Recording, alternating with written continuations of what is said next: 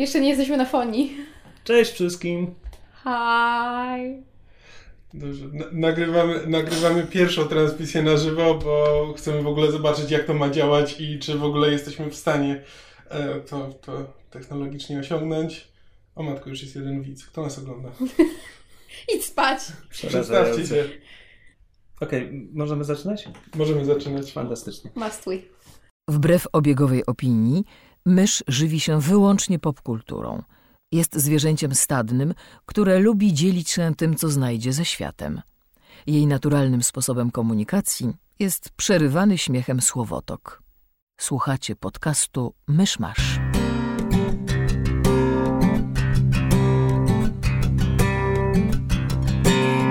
Gospodarzami podcastu Myszmasz są Krzysiek Sera, redaktor portalu Aval. Kamil Borek ze studia Kobart. I Mysz, autorka bloga Mysza Mówi. Drodzy słuchacze, jest 6 czerwca 2016 roku, rocznica premiery gry Tetris. Zapraszam do 136 odcinka podcastu Myszmasz. Zrobiliśmy błąd taktyczny. Co znowu? Siedzimy, znaczy wy siedzicie na tle okna, w związku z czym widzę tylko mroczne sylwetki. I bardzo dobrze. Fantastycznie. Jakbyśmy byli w programie ochrony świadków. E, dobra. To nie był błąd taktyczny, my zawsze tak siedzimy. Błędem taktycznym jest to, że próbujemy to nagrać. Okej, okay, fajnie, że nagrywamy live'a i w ogóle, ale spróbujmy też nagrać coś, czego ludzie będą mogli wysłuchać. Nie mogę, skupiam się na tym, że Kamil trzyma telefon.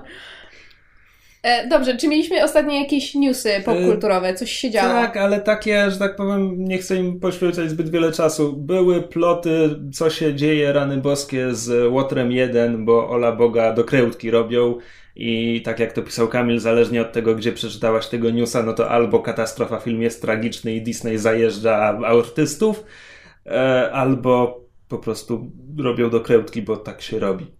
Znaczy, te dokrętki podobno były już zaplanowane dawno, um, czy chyba je przedłużyli i chyba wzięli kogoś, jakiegoś dodatkowego scenarzystę, coś ostatnio czytałem, ale prawdę mówiąc tylko zerknąłem okiem, więc nic więcej. No tak, ale masz chyba, chyba, chyba, więc tak. Mówię, nie chcę poświęcać temu zbyt wiele czasu.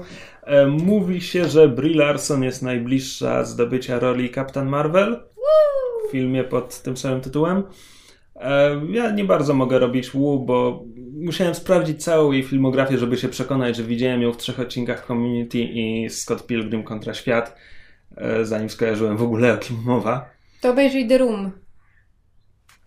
Nie to... You're naj... tearing me apart, Lisa! Nie, naj... nie najgorszy film na świecie, tylko ten ostatni o matce z chłopcem uwięzionym w pokoju. Ona tam gra główną rolę i dostała za to, jeśli się nie mylę, Oscara. Or na like, pewno? Or like nominated or something. Mogę was kręcić, o, mogę was kręcić w lustrze. Fantastycznie. Fenomenalnie. E, tak, no to Brie Larson chyba jest w porządku. Ja mam takie ma, jedno małe zastrzeżenie, to znaczy, no to jest, to jest dwudziestoparolatka, a Carol Danvers jest pułkownikiem Korpusu Powietrznego amerykańskich sił czegoś tamowych i jakoś to nie jest nawet szczególnie podkreślane w komiksie, ale ja zawsze zakładałem, że to jest kobieta pod czterdziestkę, powinna być. Wydaje mi się, może zrobią jakiś origin story. Czy jestem jakikolwiek bohater pod 40 w tym momencie? Bym Iron Man? No dobra, okej, okay, Iron Man. Steve ma jakieś sto ileś. dobra. To się nie liczy. Znaczy, strasznie, młodzi, strasznie młodzi ci Avengersi. No. Nie, po prostu wydaje mi się, wydaje mi się, że Carol Danvers jako właśnie ta kobieta, która przeszła przez te wszystkie stopnie w armii i tak dalej, jest ciekawszą postacią niż, niż no, dwudziestoparoletnia Carol Danvers. Zresztą diabli wiedzą, co z tym zrobią, przekonamy się. E, I to chyba wszystko? Jeszcze słyszałam coś, że Namor wrócił do.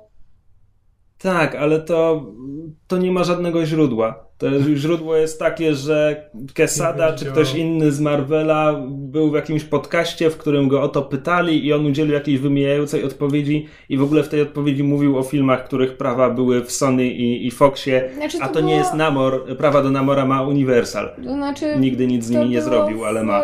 Quesada był w Fatman on Batman, o którym ja wspominałam już. No właśnie, no w każdym razie, więc on udzielił takiej bardzo wymijającej odpowiedzi, a internet wziął z tego, u, Namor wrócił do Marvela.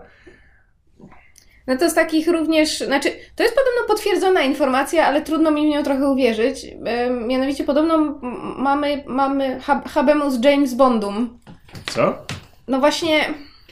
Ale to są jakieś poszła, są jakaś plotki, taka, to... poszła jakaś taka plotka, że podobno um, Theo James, taki e, aktor, jest brany pod uwagę do roli Jamesa Bonda. No, czekaj, ale plotek, że są brani pod uwagę, to mamy od roku mnóstwo. Tak, tylko że właśnie plotka od paru nastu godzin krąży pod tytułem Theo James confirmed as new James Bond. I tak trochę nie bardzo wiadomo, jak to brać. Kto to do diabła jest Theo James? Jezu, wiesz co, on grał ostatnio przede wszystkim w tej serii Divergent, w, tym, w tej ekranizacji, czy tam adaptacji Young Adult Novels właśnie z serii Divergent Weroniki Roth. I ja wiem, że ja go widziałam w czymś jeszcze, natomiast tylko tylko Divergent mi zapadł w pamięć i znaczy, staram się pozostawać ten cautiously optimistic, jak to się mówi, bo kto wie, może po prostu w Divergent on nie miał okazji się wykazać aktorsko i może ma coś w repertuarze czy o, w tak. zanadrzu. Ma jeszcze Underworld. U. W 2012 był jakiś Underworld? Już nawet przegapiłem to. Czwórka chyba, nie? A to kogo on ja, tam grał? Znaczy, Zastąpił nie... tego, tego, tego chłopaka, ten Kate Beckinsale? Nie, ten chłopak Grał Kate Beckinsale Davida, kimkolwiek był um, David w filmie Underworld A, Awakening. Tak, Awakening, bo Awakening to jest czwórka, gdzie Selina i ten jej właśnie chłopak y, się budzą, znaczy ona się budzi z jakiegoś zamrożenia i oni polują na znaczy i, i ta zła firma poluje na ich wspólną córkę, która jest jakimś znowu hybrydą, mutantem, wampiro, wilkołako, whatever. Beznadziejny jest ten film, ale w ogóle go stamtąd nie pamiętam. No nieważne. A, w, a w tym roku będzie w Underworld Blood Wars. Ja nie miałem pojęcia, że ta franczyza tak, ma się tak dobrze. Underworld. Znaczy, to, to, nie wiem, czy dobrze, no ale kręcą kolejny, ja na pewno obejrzę, chociaż może nie w kinie. W każdym razie, abstrahując, Theo James do tej pory, mam wrażenie, nie bardzo miał okazję się wykazać. No, on grał Woody'ego Allena w jednym z gorszych filmów z ostatnich z ostatniej dekady Woody'ego Allena. E, you will meet a tall dark stranger. Poznasz wysokiego, przystojnego bruneta. If you say so. Wiemy, wiemy że mysz nie lubi Allena. Natomiast nie wiem, może, może on ma w zanadrzu nie wierzę jakieś w to. Nie wierzę w to. To jest jakiś model męski. To... Aktorskie, o których nie wiemy. Staram się nie reagować, um, że tak powiem, natychmiastowo niechęcią, chociaż taki był mój pierwszy instynkt. Zobaczymy, no na razie czekamy, co dalej wyjdzie. A, i z newsów jeszcze, och, to była fenomenalna sytuacja. Kamil wczoraj w pewnym momencie, bo my jak siedzimy przy komputerach, siedzimy do siebie plecami, w związku z tym nie widzimy, co który robi. I Kamil w pewnym momencie takie, u, myszu, wiesz co? A ja takie bez zająknięcia, wiem, Gillian Anderson będzie w amerykańskich bogach Nila Gaimana, a Kamil się do mnie odwraca i takie, Jezus Maria, skąd wiedziałaś? No Czytam w myślach. No. No. Ale zobacz, bo pierwszy news, jaki mi się pojawia, że Theo James został nowym Jason Bondem jako confirm, jest sprzed pięciu dni. To jest, to jest jakiś starość, który teraz wypłynął. Znaczy, znaczy, nie wiem, czy sprzed pięciu dni, bo ja jak wczoraj wrzuciłam no, internet tego newsa... ci mówi, że ten nagłówek jest Ja się bardzo dni. cieszę, że ten jest sprzed pięciu dni, ale jak ja wczoraj wpisałam James Bond News i weszłam w Google, to mi pokazywało wyniki sprzed na przykład, wiesz, kilkunastu godzin, kilku godzin, więc to krąży od jakiegoś czasu, no ale... Ale żadna nawet średnio poważna strona tego, tego nie, nie podjęła. No... Bzdura, can we not discuss gossip? Bzdura, bzdura, bzdura. Czekaj, can we not discuss gossip, czyli... Czy nie możemy dyskutować, omawiać plotek? Ciekawych plotek? Ja wciąż nie wiem, czy to jest, czy to jest pytanie, czy to jest rozkaz. Może być oba zależnie od intonacji. Moje było pytaniem. Czyli ty chcesz rozmawiać o plotkach, tak? Tak, a ty myślałem, mi, a ty myślałem, mi, a ty że wydajesz mi polecenie, żebyśmy nie rozmawiali o plotkach. Czy jak to nam się nazywa? Chyba nie tak. Chyba nie tak. No, w każdym razie wracając do innych potwierdzonych tym razem newsów, Gillian Anderson będzie grała w amerykańskich bogach Nila Gaimana. Wszyscy się bardzo cieszą, bo Gillian jest super. O! I to są chyba jedyne rzeczy, jakie kojarzę z newsów w tym momencie. E, ja kojarzę jeszcze newsa. Jest nowy, nowy reżyser Flasha z DC, którego nazwiska zapomniałem, bo jest afrykańskie. Dobry z ciebie newsman. Zapomniałem je sobie zapisać, ale to jest reżyser, który. Czy to jest debiutant tak naprawdę, bo on wyreżyserował e, film Dope. E, więc ja postanowiłem obejrzeć ten film. Hit Sundance. Tak, że jakby podobno, podobno zrobił, zrobił do, dobre wrażenie na Sundance. Nie najgorzej sobie poradził e, finansowo. E, I nie wiem, czy mam teraz do pomawiać tutaj, czy w sekcji newsowej, czy do poczekać na recenzję. Reżyser, reżyser nazywa się Rick Famuyiwa. No właśnie. No to Już skoro, zapomniałem. Prawdopodobnie. no to skoro już nie mamy więcej newsów, to może płynnie przejdziemy do tego, kto co ostatnio obejrzał. Kamil, opowiedz nam o Dope. Dobrze, idealnie. Więc Dope jest o zasadniczo o czarnych nerdach. Znaczy jest to o młodym, o młodym dzieciaku z biednej, e, z biednej dzielnicy, który jest geekiem na punkcie hip-hopu z lat 90. i ubiera się trochę jak właśnie raper z lat 90. Ma taki flap, flat top na głowie. Laptop na głowie? E, nieważne. I, I co? E, zapomniałem jak się nazywa, ale ma, z, ma dwójkę przyjaciół, z którymi, z którymi tam cały czas chodzi i wszyscy, wszyscy ich oczywiście dręczą, bo są na, jakby na samym dole łańcucha pokarmowego, e, więc Ktoś ich chce zjeść? tak. Drabiny O, społecznej. Krzysiek przejął. O nie, teraz będzie na mnie. Aha, aha, teraz you know how it feels. Tak, wiem. E, tak, więc e, ma, ma z tymi swoimi znajomymi zespół. Mm. Ale to jest tak, że producentem w tym filmie jest Pharrell Williams. E, i, I on robił muzykę. I to jest ewidentnie jakby muzyka Pharrella Williamsa, jakby nie da się tego z niczym pomylić. Em, ale, to, e, ale o tym jeszcze za chwilę. Zasadniczo fabuła jest taka, że on się przez przypadek wplątuje w handel, e, handel narkotykami. Znaczy czymś to dope w tym momencie to nie jest marycha, tylko oni to jakoś nazywają molly, czy coś takiego. Jakiś, To jest ecstasy, z tego co wiem. to chyba, to chyba, to chyba ecstasy. W każdym razie zostaje zmuszony do tego, że, e, że musi najpierw tam, najpierw dostarczyć, potem ludzie go ścigają, potem on musi jakby dystrybuować to, e, tą moli i jakoś sobie mu, musi się odnaleźć w tej sytuacji. E, ale to jest jakby, to jest tylko pretekst, bo cały ten film no to opowiada właśnie przede wszystkim o tym, aha, słyszymy helikopter za oknem. Film jest zasadniczo o tym, jak to jest być e, czarnym, czarnym nerdem, e, młodym dzieciakiem w liceum. Jezus Maria, ten helikopter wraca. They're coming for us. It's the popo, run! Czarne helikoptery FIMA po nas przyleciały. Dobra, tak więc film opowiada o, e, o tym, jak to jest być czarnym nerdem, młodym dzieciakiem w liceum, z biednej, e, z biednej dzielnicy, z rozbitej rodziny. E, Ale też jakby na, na takim bardziej uniwersalnym poziomie to po prostu opowiada o tym, jak, jak to jest być e, nerdem, po prostu geekiem. Tutaj akurat on jest geekiem hip-hopu, ale to jakby jest dosyć, dosyć uniwersalne doświadczenie. E, I to robi, to robi naprawdę bardzo dobrze. I film jest, znaczy, ma takie elementy, że tak powiem, kryminału, czy jakiegoś filmu akcji, trochę takiej komedii pomyłek, trochę komedii sytuacyjnej, trochę komedii opierającej się na postaciach, e, na, na interesujących, zabawnych postaciach, ale łączy to, łączy to bardzo sprawnie. Opowiada tą historię w bardzo, w bardzo fajny, e, w angażujący sposób. No, A przy tym jakby jest, no to prawdopodobnie trzeba lubić muzykę. Choć ja na przykład nie jestem fanem hip-hopu, a bardzo mi się muzyka w tym filmie podobała. I ona jakby odgrywa dużą rolę, no bo po pierwsze praktycznie, praktycznie przez cały czas towarzyszy, towarzyszy temu właśnie jakaś muzyka taka, nie wiem, czy, nie wiem, czy z lat 90., czy po prostu stylem nawiązująca do lat 90., ale też, e, ale też czasami bardziej współczesna. Poza tym e, mamy jakby wstawki, kiedy e, właśnie zespół, zespół głównego bohatera coś gra i to są właśnie takie bardziej funkowe piosenki, mm, bo, no bo Farel. I, I to jakby idealnie, idealnie łączy komedię, komedię i akcję i przy tym jakby skupia się na postaciach.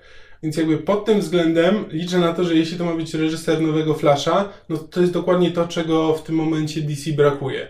Czyli właśnie to połączenie akcji, ale i komedii, ale i też jakby e, pokazania postaci jakby w wiarygodny, interesujący sposób. Krzysiek zrobił teraz jakąś dziwną minę. Co się stało? Jeśli dobrze interpretuję to, co interfejs tego czegoś mi mówi, to twój tata właśnie polajkował ten, tę transmisję. Cześć tato. Cześć, tato. Tak, no znaczy film jest, film jest ciepły, zabawny i zostawia z takim optymistycznym poczuciem na koniec, ale też ma jakby takie mroczniejsze, e, wpada, wpada momentami w takie mroczniejsze tony i jakby widzimy, gdzie jakby przyszłość tego chłopaka mogłaby zawędrować, gdyby tylko popełnił jakby trochę więcej błędów niż, niż w tym filmie to zrobił. Wybiłaś mnie z rytmu, czekaj, do czegoś dążyłem. Wybiłaś jego wysokość z rytmu. Tak. I to normalnie, to wszystko by było normalnie wycięte, więc teraz widzicie, ile tracicie normalnie. Strzeż się rytmu. Rytmu. Nikt z was nie oglądał Nowe Szaty Króla? Chyba To się, zacięło. zacięło. Transmisja się zacięła. I to na mojej gębie, no. Now you know how it feels. Internet padł. E, Jedyny zarzut do filmu, jaki mam, to że trochę za łatwo jest temu chłopakowi być geekiem. Znaczy, rzeczywiście, jakby film nam pokazuje na początku, no to rzeczywiście chłop, jakiś tam y, starsi y, gangerzy, czy tam początkujący gangerzy z Gangerzy? liceum się na niego tam rzucają, kradną mu buty, That's not a word, babe. wszystko jedno. I, Hultaje. i tak, no jest... Łachudry. Tak, no i jest mu ciężko, ale, ale potem no, się okazuje, że on jest, on jest, świetnie się zna na informatyce, jest świetnym muzykiem, no bo gra i śpiewa jak Farel i jakby od razu po pierwszym, po pierwszym koncercie, jaki grają na jakiejś, wiesz, e, imprezie e, ogrodowej, to nagle, nagle się okazuje, że ich zespół, że wszyscy, wszyscy po prostu dzielą się na Facebooku nagraniem z tego, z tego koncertu i nagle, nagle robią, robią wielką karierę e, z, tym, z tymi narkotykami też zasadniczo jak już musi je tam rozprowadzać, no to pewnie jest najpierw, że o, o Boże, co to będzie, co to będzie, ale tak naprawdę no to mm, dosyć łatwo mu to idzie i troszkę, troszkę to zamazuje, mam wrażenie, odbiór filmu.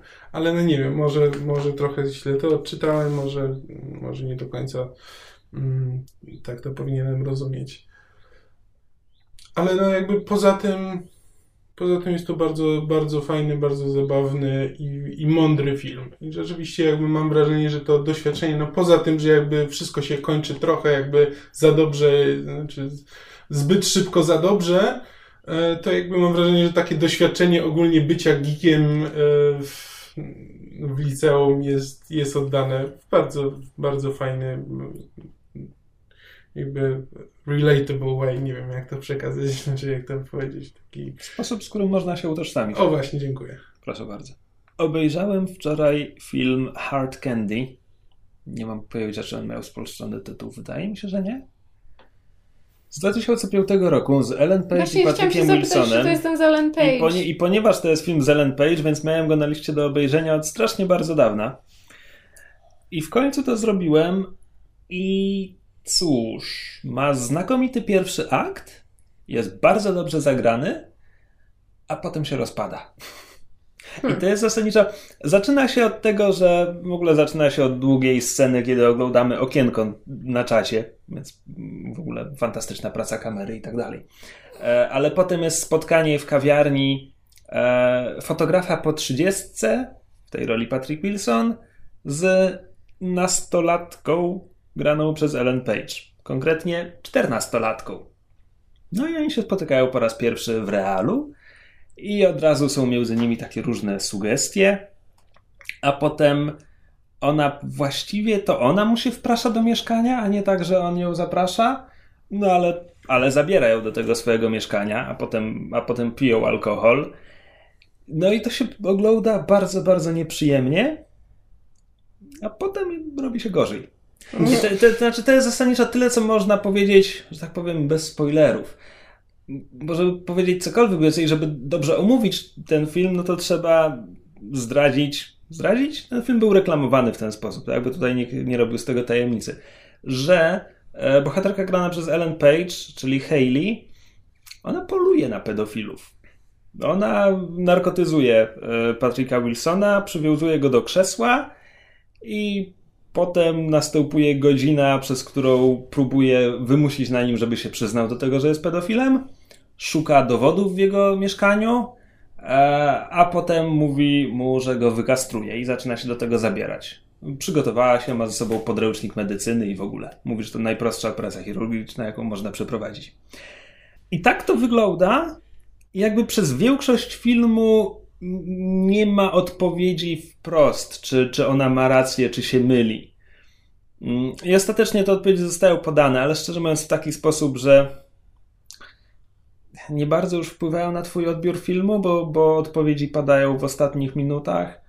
Um, to jest jedno. Drugie, a, to jest bardzo nieprzyjemne, ale nudne. To znaczy, po tym pierwszym akcie, po tym jak ona już go łapie i przywiązuje, przez całą resztę filmu, nie licząc znowu tam ostatnich może 10-15 minut, ona cały czas dominuje. Jakby ta relacja nigdy się nie zmienia. Jest, jest ciągle taka sama. Ona kontroluje sytuację i to jest nudne. No jak przez godzinę oglądasz scenę, która się zasadniczo nie zmienia, no to to nie działa. A do tego praca kamery jest strasznie tania, to znaczy e, ojej, no, żeby pokazać, że, że bohaterka jest rozdygotana, to nagle kamera ci dygocze na wszystkie strony. Żeby pokazać, że Patrick Wilson zaczyna się czuć dziwnie i tracić przytomność, to kamera zaczyna wirować i jest, filtr rozmyty i w ogóle. Lata 90 praca, praca, kamery, praca kamery jest bardzo, bardzo tania. E, to jest debiut e, to jest pierwszy pełnometrażowy film wyreżyserowany przez tego gościa. Czy jeszcze raz jak się ten film nazywa? Hard Candy. Hard Candy, a dobra. E, on wcześniej reżyserował jakieś krótkometrażówki, to jest jego debiut pełnometrażowy i to widać. Potem zrobił, zdążyłem zapomnieć, wczoraj go sprawdzałem, ale potem zrobił między innymi bodajże trzecią część sagi Twilight. Mhm. E, I to jest również debiut. A, i on wyreżyserował 30 Days of Night, adaptację komiksu. E, I, I, to jest również pełnometrażowy debiut scenarzysty, który wcześniej robił w telewizji i to długo, bo tam od, od lat 90. E, I potem on chyba też pracował przy 30 Days of Night. W każdym razie bardzo, bardzo widać, że to jest debiut bardzo wielu ludzi pracujących przy tym filmie. E, no, warto dla Ellen Page. Warto też dla Patricka Wilsona, bo on ma tutaj trudną rolę, z której zasadniczo znaczy, on gra dobrze, mam zastrzeżenia co do scenariusza, bo tam czasami postaci mają tak papierowe kwestie, znaczy nikt by w tej sytuacji nie wygłaszał takich kwestii, jakie, jakie oni wygłaszają. A... Także tak, no bardzo nieprzyjemny film, dobrze zagrany, źle wyreżyserowany, źle, źle nakręcony, ale ogólnie wydaje mi się, że warto. A skąd ci się w ogóle wzięło? Ellen Page. Znaczy, wiem, ale akurat dlaczego w tym momencie? Czy bez żadnego konkretnego Bez żadnego konkretnego powodu.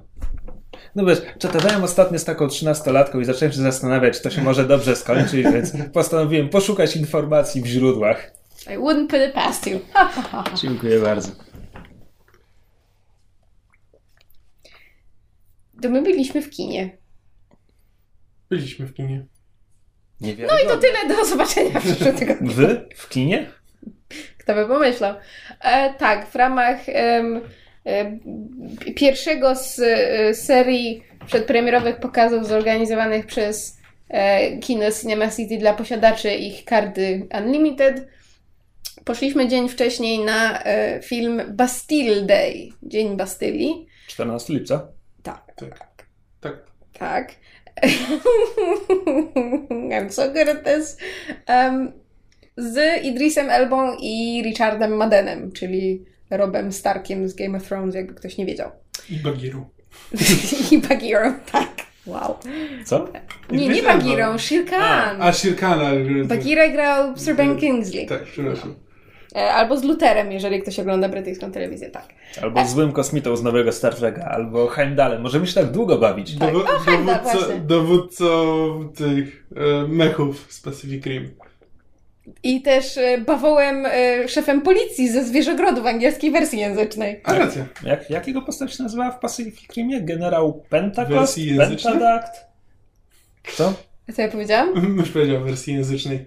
Językowej. Um, tak, chyba Pentecost. E... Tak, i poszliśmy na ten film jakby w sumie nie wiedząc za bardzo na co idziemy. Ja dosłownie parę godzin przed seansem obejrzałam trailer filmu, żeby mniej więcej wiedzieć na co się pisze. I na co właściwie poszliście? Bo ja nie widziałem nawet zwiastuna. Czy to jest, czekaj, czekaj, będę strzelał, akcyjniak tak jak Olympus Has Fallen. Tak. Wiesz co jest zaskakujące ten. Znaczy bliżej London Has Fallen, tak. e, jeżeli już, wiesz, się czepiamy. Natomiast e, tak, jest to po prostu film akcji dziejący się w Paryżu. Tak, przy czym to jest, warto to wspomnieć, bo to też ma wpływ na film, że to jest koprodukcja jakby amerykańsko-francuska, jak Kanal Plus to też produkuje. Więc znaczy tam nie... pro, film, firm producenckich jest od groma. Chcesz tak. powiedzieć, że czuć tam ten europejski sznyt? Trochę znaczy, tak. Trochę tak, czuć trochę bardziej jakby niezależny, w sensie, że to nie jest jakby amerykański, wiesz, wielko, wielkobudżetowy akcyjniak, tylko jednak bardziej taki europejski, czyli bardziej skupiający się na postaciach i na relacjach między postaciami, e, na fabule, jaka by ona nie była, na intrydze, a jakby sceny akcji są, e, no, są dorzucone jako fajny dodatek.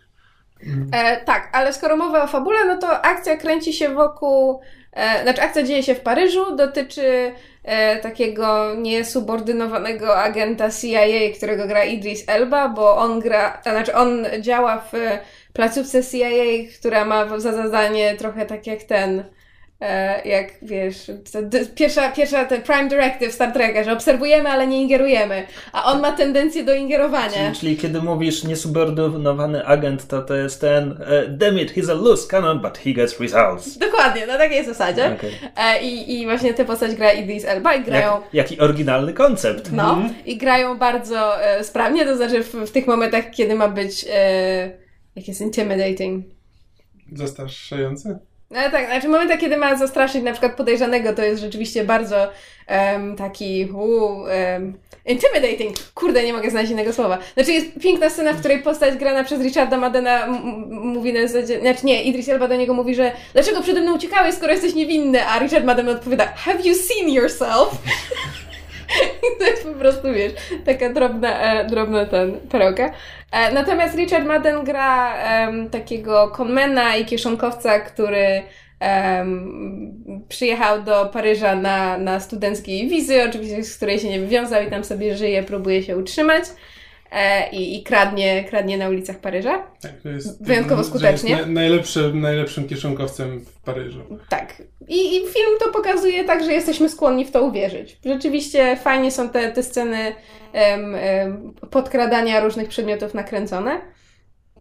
Przy czym warto wspomnieć, że też postać Idrisa Elby to nie jest tylko tak, że to jest wiesz, mięśniak i jakby agent taki, który tylko wiesz, biega i strzela, bo jakby też film nam pokazuje, że on jest e, też wprawnym manipulatorem, znaczy wie co powiedzieć, e, wie co powiedzieć właśnie postaciowi Madena, e, postaciowi? Postaciowi?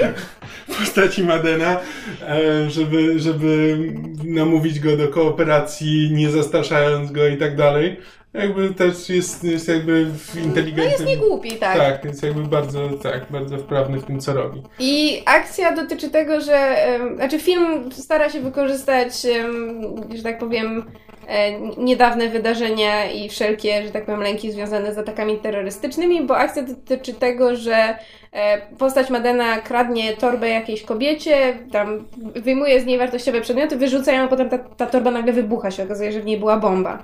No i ponieważ on został uchwycony na kamerach, no to teraz CIA myśli, że to on to zrobił i próbują się od niego dowiedzieć, czy to był zamach terrorystyczny, jakie macie żądania i tak dalej, i tak dalej.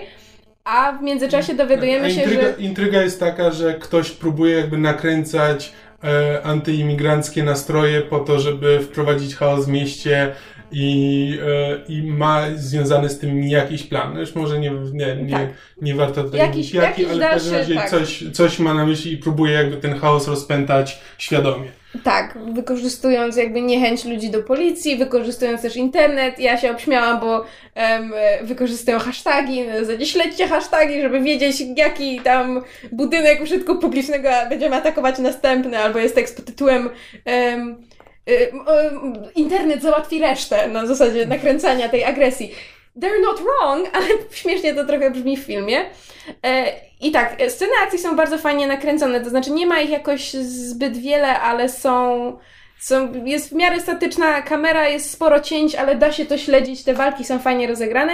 To, co mi się bardzo podobało i o czym zresztą już pisałam na blogu, bo napisałam szybko recenzję, to jest to, że jakby to nie są bohaterowie idealnie. Znaczy, na przykład Richard Madden nie jest, prawda, superherosem, który w ogóle biegnie, skacze po dachach i nic sobie nie zrobi, tylko wiesz, on się potyka, wiesz, wpada na ściany, ze trzy razy prawie się ześlizguje i zabija. Tak, Idris Elba też tak, tak, naprawdę tam się jakby potyka. Po, tak, że jakby pościg po dachach to nie jest tak, że oni po prostu się ścigają i jakby przeskakują po, po murkach tak, z dachu na dach, tylko każdy z nich widać, że po prostu e, boi się autentycznie, że za chwilę spadnie i wiesz, nogi im się obsuwają i Tak, jest to tak fajnie, fajnie realistycznie zrobione.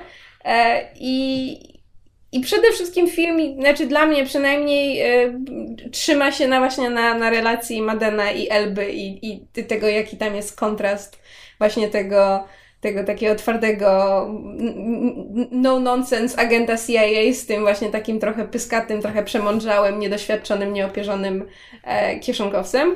Obaj panowie są bardzo dobrymi aktorami, są szalenie czarujący w swoich rolach i, i grają je bezbłędnie.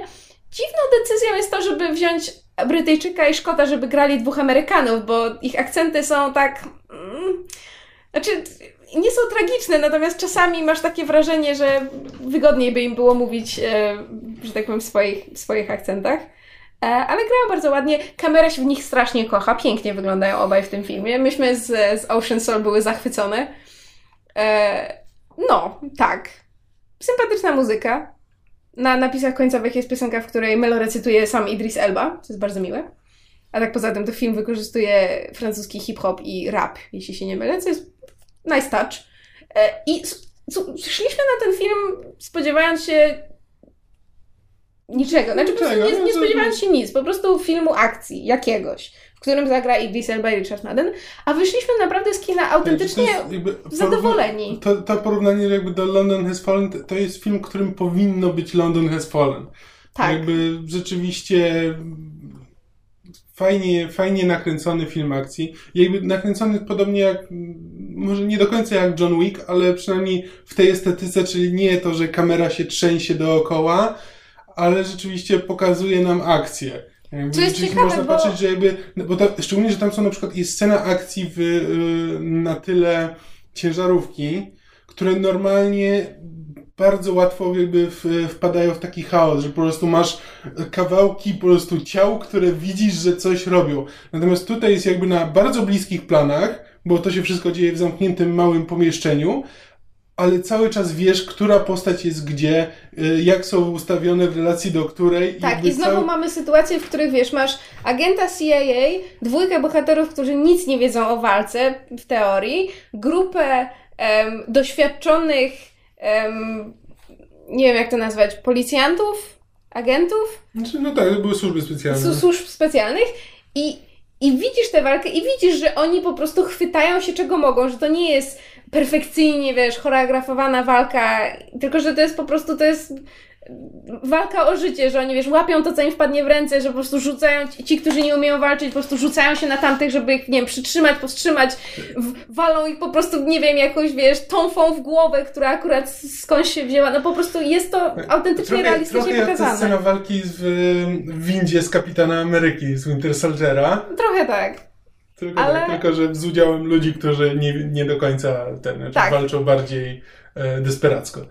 No, więc y, jakby film jest. Y, znaczy, można się trochę przyczepić do tego, że jakby wykorzystuje te takie dość niedawne wydarzenia i, i prawdziwe e, konflikty i napięcia, które obecnie nadal mamy, i trochę po nich się prześlizguje, to znaczy on je wykorzystuje jako pretekst. Natomiast dzięki temu nie ma właśnie takiego wrażenia jak, jak przy London Has Fallen, gdzie film jest po prostu autentycznie ciężki. To znaczy on po prostu on aż dyszy pod tym swoim ciężarem tego, tego, tego, patosu. tego patosu, tak, i tego, tego jakiegoś patriotyzmu. Tutaj to jest po prostu autentycznie przyjemny, lekki, ale potraktowany na poważnie film akcji, który bardzo sprawnie robi to, co chce zrobić. Ma zabawne momenty, ma momenty napięcia, ma bardzo ładnie nakręcone sceny akcji. I autentycznie warto na niego pójść, bo to jest właśnie taki malutki film. Nam by się on, znaczy, nam by się on totalnie po prostu prześlizgnął przez, przez, że tak powiem, radar. W ogóle byśmy na niego nie poszli, nie obejrzeli, gdyby nie to, że, że dostaliśmy, prawda, to, to zaproszenie. A naprawdę warto się na niego wybrać, bo jest autentycznie przyjemnym filmem. Myśmy wyszli z kina w bardzo dobrych humorach. Mhm. Więc polecamy. Polecamy Dzień Bastylii. Tak, Bastille Day. A kiedy to ma normalną premierę? Już. Dzisiaj, Aha, wczoraj. Dzień wcześniej widzieliśmy. Tak. w piątek. piątek, tak. W każdym razie już możecie film obejrzeć, gdy tego słuchacie. O, Spoko. Ja czytałem dużo różnych rzeczy. Nie Le wiem, Gasp. nie, nie wiem, o czym chcecie posłuchać. O chińskim kryminale, polskim kryminale, a może am- amerykańskiej fantazji. Amerykańskie fantazy. Okej. E, Przeczytałem e, Na szkarłatnych morzach Scotta Lyncha, która jest drugim cy- tomem cyklu o Loku Lamorze. O pierwszym tomie pisałem w Myszmaszu na piśmie jakiś czas temu, ale ponieważ nie było w odcinku audio, to, to powtórzę. To jest, to jest bardzo popularny cykl w internecie, mnóstwo dobrych rzeczy o nim słyszałem od bardzo, bardzo dawna. W zasadzie odkąd się ukazał, zaczął ukazywać. No i w końcu zacząłem go czytać, bo jakby sprzedano mi to jako, że to jest takie fantazji o złodzieju, które korzysta z chwytów z heist movie, z tego kina wielkiego skoku i w ogóle, i że jest super. No i przeczytałem ten pierwszy tom. No i mamy tego głównego bohatera, Loka Lamore, który faktycznie jest złodziejem i krełtaczem, tylko że to jest on i jego gang, oni takie bizantyjskie przekręty robią, że się przebierają, wcielają w rolę jakichś arystokratów, żeby wyłudzić pieniądze i tak dalej. Więc tam faktycznie jest pomysł, tylko kiedy przyjdzie co do czego do takich zagrywek z heist movies, że wiesz, że na przykład mamy coś opisane, co się teraz dzieje i to jest przerywane retrospekcjami z tego, jak układali plan, czy retrospekcjami z przygotowań do planu i teraz widzimy, jak, jak to doszło, jak to się sprawdziło. Tego nie ma wcale tak dużo. I zasadniczo im bliżej finału, tym bardziej to było takie standardowe, kliszowate fantazje o zemście. Mhm. Plus na dodatek tam był Locke i jego czterech kumpli i oni wszyscy się razem po prostu tak zlewali, znaczy tak bardzo nie mieli wyróżnialnych charakterów, odróżnialnych, że za, zasadniczo miasto, w którym to wszystko się toczyło, było naj, najbardziej wyrazistym bohaterem. E, w drugim tomie z różnych powodów, tym razem mamy tylko Loka i jednego z jego przyjaciół, więc jest tylko dwóch bohaterów, którzy wciąż się trochę zlewają, ale teraz jest ich już tylko dwóch, więc, więc to nie jest aż tak źle. Natomiast zmienili miasto. I ich nowa lokacja nie jest tak wyrazista jak, jak poprzednia.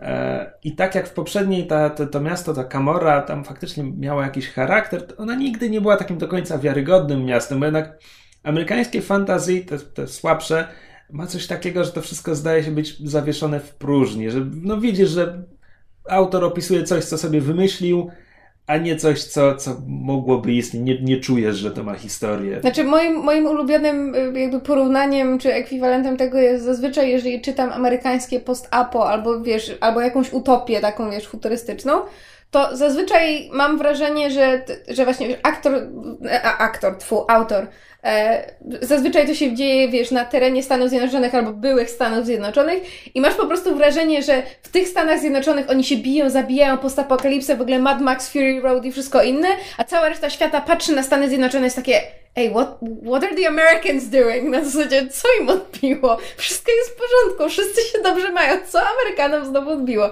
I właśnie, mam właśnie takie, takie uczucie zawieszenia w próżni, wiesz, wszystko się dzieje w tych Stanach, a reszta świata jest na zasadzie no i co z tego? Jakby nic się nie stało. No, może coś w tym jest. No i w tym drugim tomie jakby okładka, okładka przedstawia jakąś kobietę w marynarskim kapeluszu opierającą się o burtę z statku plus ten tytuł, więc po prostu widzisz tylko tych piratów i co tam jeszcze. E, bohaterowie schodzą na wodę dopiero w połowie książki, bo najpierw mamy retrospekcję łatające te dwa lata pomiędzy pierwszą a drugą częścią cyklu, potem mamy, bo oni teraz szykują kolejny wielki przekręt, E, No i mamy opisane to nowe miasto, w którym się znajdują, mamy opisane ich sytuację, bo z jednej strony szykują ten wielki przekręt przeciwko potężnemu gangsterowi, z drugiej strony tam e, dowódca armii tego miasta, który, który no, ostrzy sobie zełby na to, żeby w ogóle zostać władcą miasta, czyli tam wyca- wycaskać Radę Kupców, która teoretycznie rządzi. E, szantażuje ich, żeby mu pomogli zrealizować ten plan i w ramach tych machinacji oni muszą trafić na morze, gdzie udają piratów, ale potem zostają piratami. tak, właśnie. No więc przede wszystkim to powinny były być dwie części cyklu, a nie jedna. To znaczy, to, to, to jakby ta pierwsza część tak bardzo nie ma nic wspólnego. Jak już trafiają na morze, to się zaczyna zupełnie inna książka, mm. która potem w, zasadniczo jest finał tej części, bo jest taka sporawa, nazwijmy to bitwa morska, a potem zostaje do końca dosłownie 30 stron, na których autor e, wraca ich z powrotem do tego miasta, e, każe im domknąć wątki tam i to jest jakby, to ma być finał, a to jest wszystko tak bardzo po łebkach. To po prostu nie działa. Inna rzecz, która nie działa, książka się zaczyna od sceny, e, gdzie ci dwaj główni bohaterowie znajdują się w opałach i nagle ten przyjaciel głównego bohatera zdradza głównego bohatera. I to jest taka futurospekcja. so cute, zrobiliście to w tym samym czasie. To jest taka futurospekcja i że mamy gdzieś potem w książce dojdziemy do tej sytuacji. No i myślisz sobie, czy to jest naprawdę, czy to jest, czy to jest blef, czy to jest podwójny blef, czy to jest potrójny blef, co to będzie, co się będzie, co się stanie. I w końcu docierasz do tej sytuacji i ona, to jest, to jest taki drobiażdżek, tak nic nieznaczące jakby w, w kontekście całej książki. Ja się poczułem oszukany. Jakby byłem przekonany, że to mi pokazuje coś z finału, coś bardzo ważnego. Nie, no to jest, to jest jakby takie mamienie czytelnika. Hmm. Więc to jest cykl, który, że tak powiem, od dwóch tomów dobrze się zapowiada. Eee... Trzymacie jako zakładnika. Tak, a autor... To tak jak mysz masz. Wiesz, jak, jak wow. się dobrze zapowiadamy. Eee, a autor z kolei, bo ta poprzednia część to był debiut tego autora mhm. i on poza tym cyklem chyba jeszcze niczego nie napisał innego. A napisał trzecią część cyklu i czwarta ma się ukazać w tym roku. Eee, no i nie wiem. To już druga książka, jakby po której, znaczy z dwóch książek cyklu to już druga, którą skończyłem z myślą, że nieźle, ale taki surowy redaktor by działał cuda. Mhm. I w tym momencie nie. No pewnie, pewnie sięgnę po trzecią część kiedyś, e, ale chyba trochę mój entuzjazm osłabł. Siadł był? No, trochę. Chociaż tutaj przynajmniej jakieś bohaterki dorzucili, więc to nie był taki sausage fest jak pierwsza część. Festiwal kiełbasek. Tak właśnie. E, to ja jeszcze tylko w dwóch słowach chciałam powiedzieć o finale Supernatural, bo e, przed e, poprzednim odcinkiem nie udało mi się obejrzeć. Oj. Aż tak super?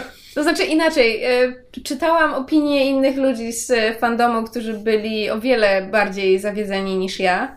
E, może dlatego, że ja, te, znaczy wielokrotnie mówiłam, że mnie Supernatural też trzyma jako zakładnika i to jest po prostu już zaawansowany syndrom sztokholmski, ale w związku z tym ja po prostu jestem na tym etapie, że już właściwie się nie denerwuję na to, co dostaję, tylko po prostu to akceptuję z całym dobrodziejstwem inwentarza na zasadzie to mi chcą dać, trudno, to wezmę.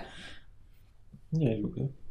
E, w związku z tym, e, no bo jakby cały jedenasty sezon, tutaj będę siała drobnymi spoilerami, cały jedenasty sezon dotyczy tego, że bracia Winchesterowie uwolnili z, z klatki, czy tam z zamknięcia ciemność, przedwieczną, przedbiblijną ciemność, która chce pochłonąć cały świat. Potem się dowiadujemy, że ciemność jest siostrą Boga, tego Boga z religii katolickiej.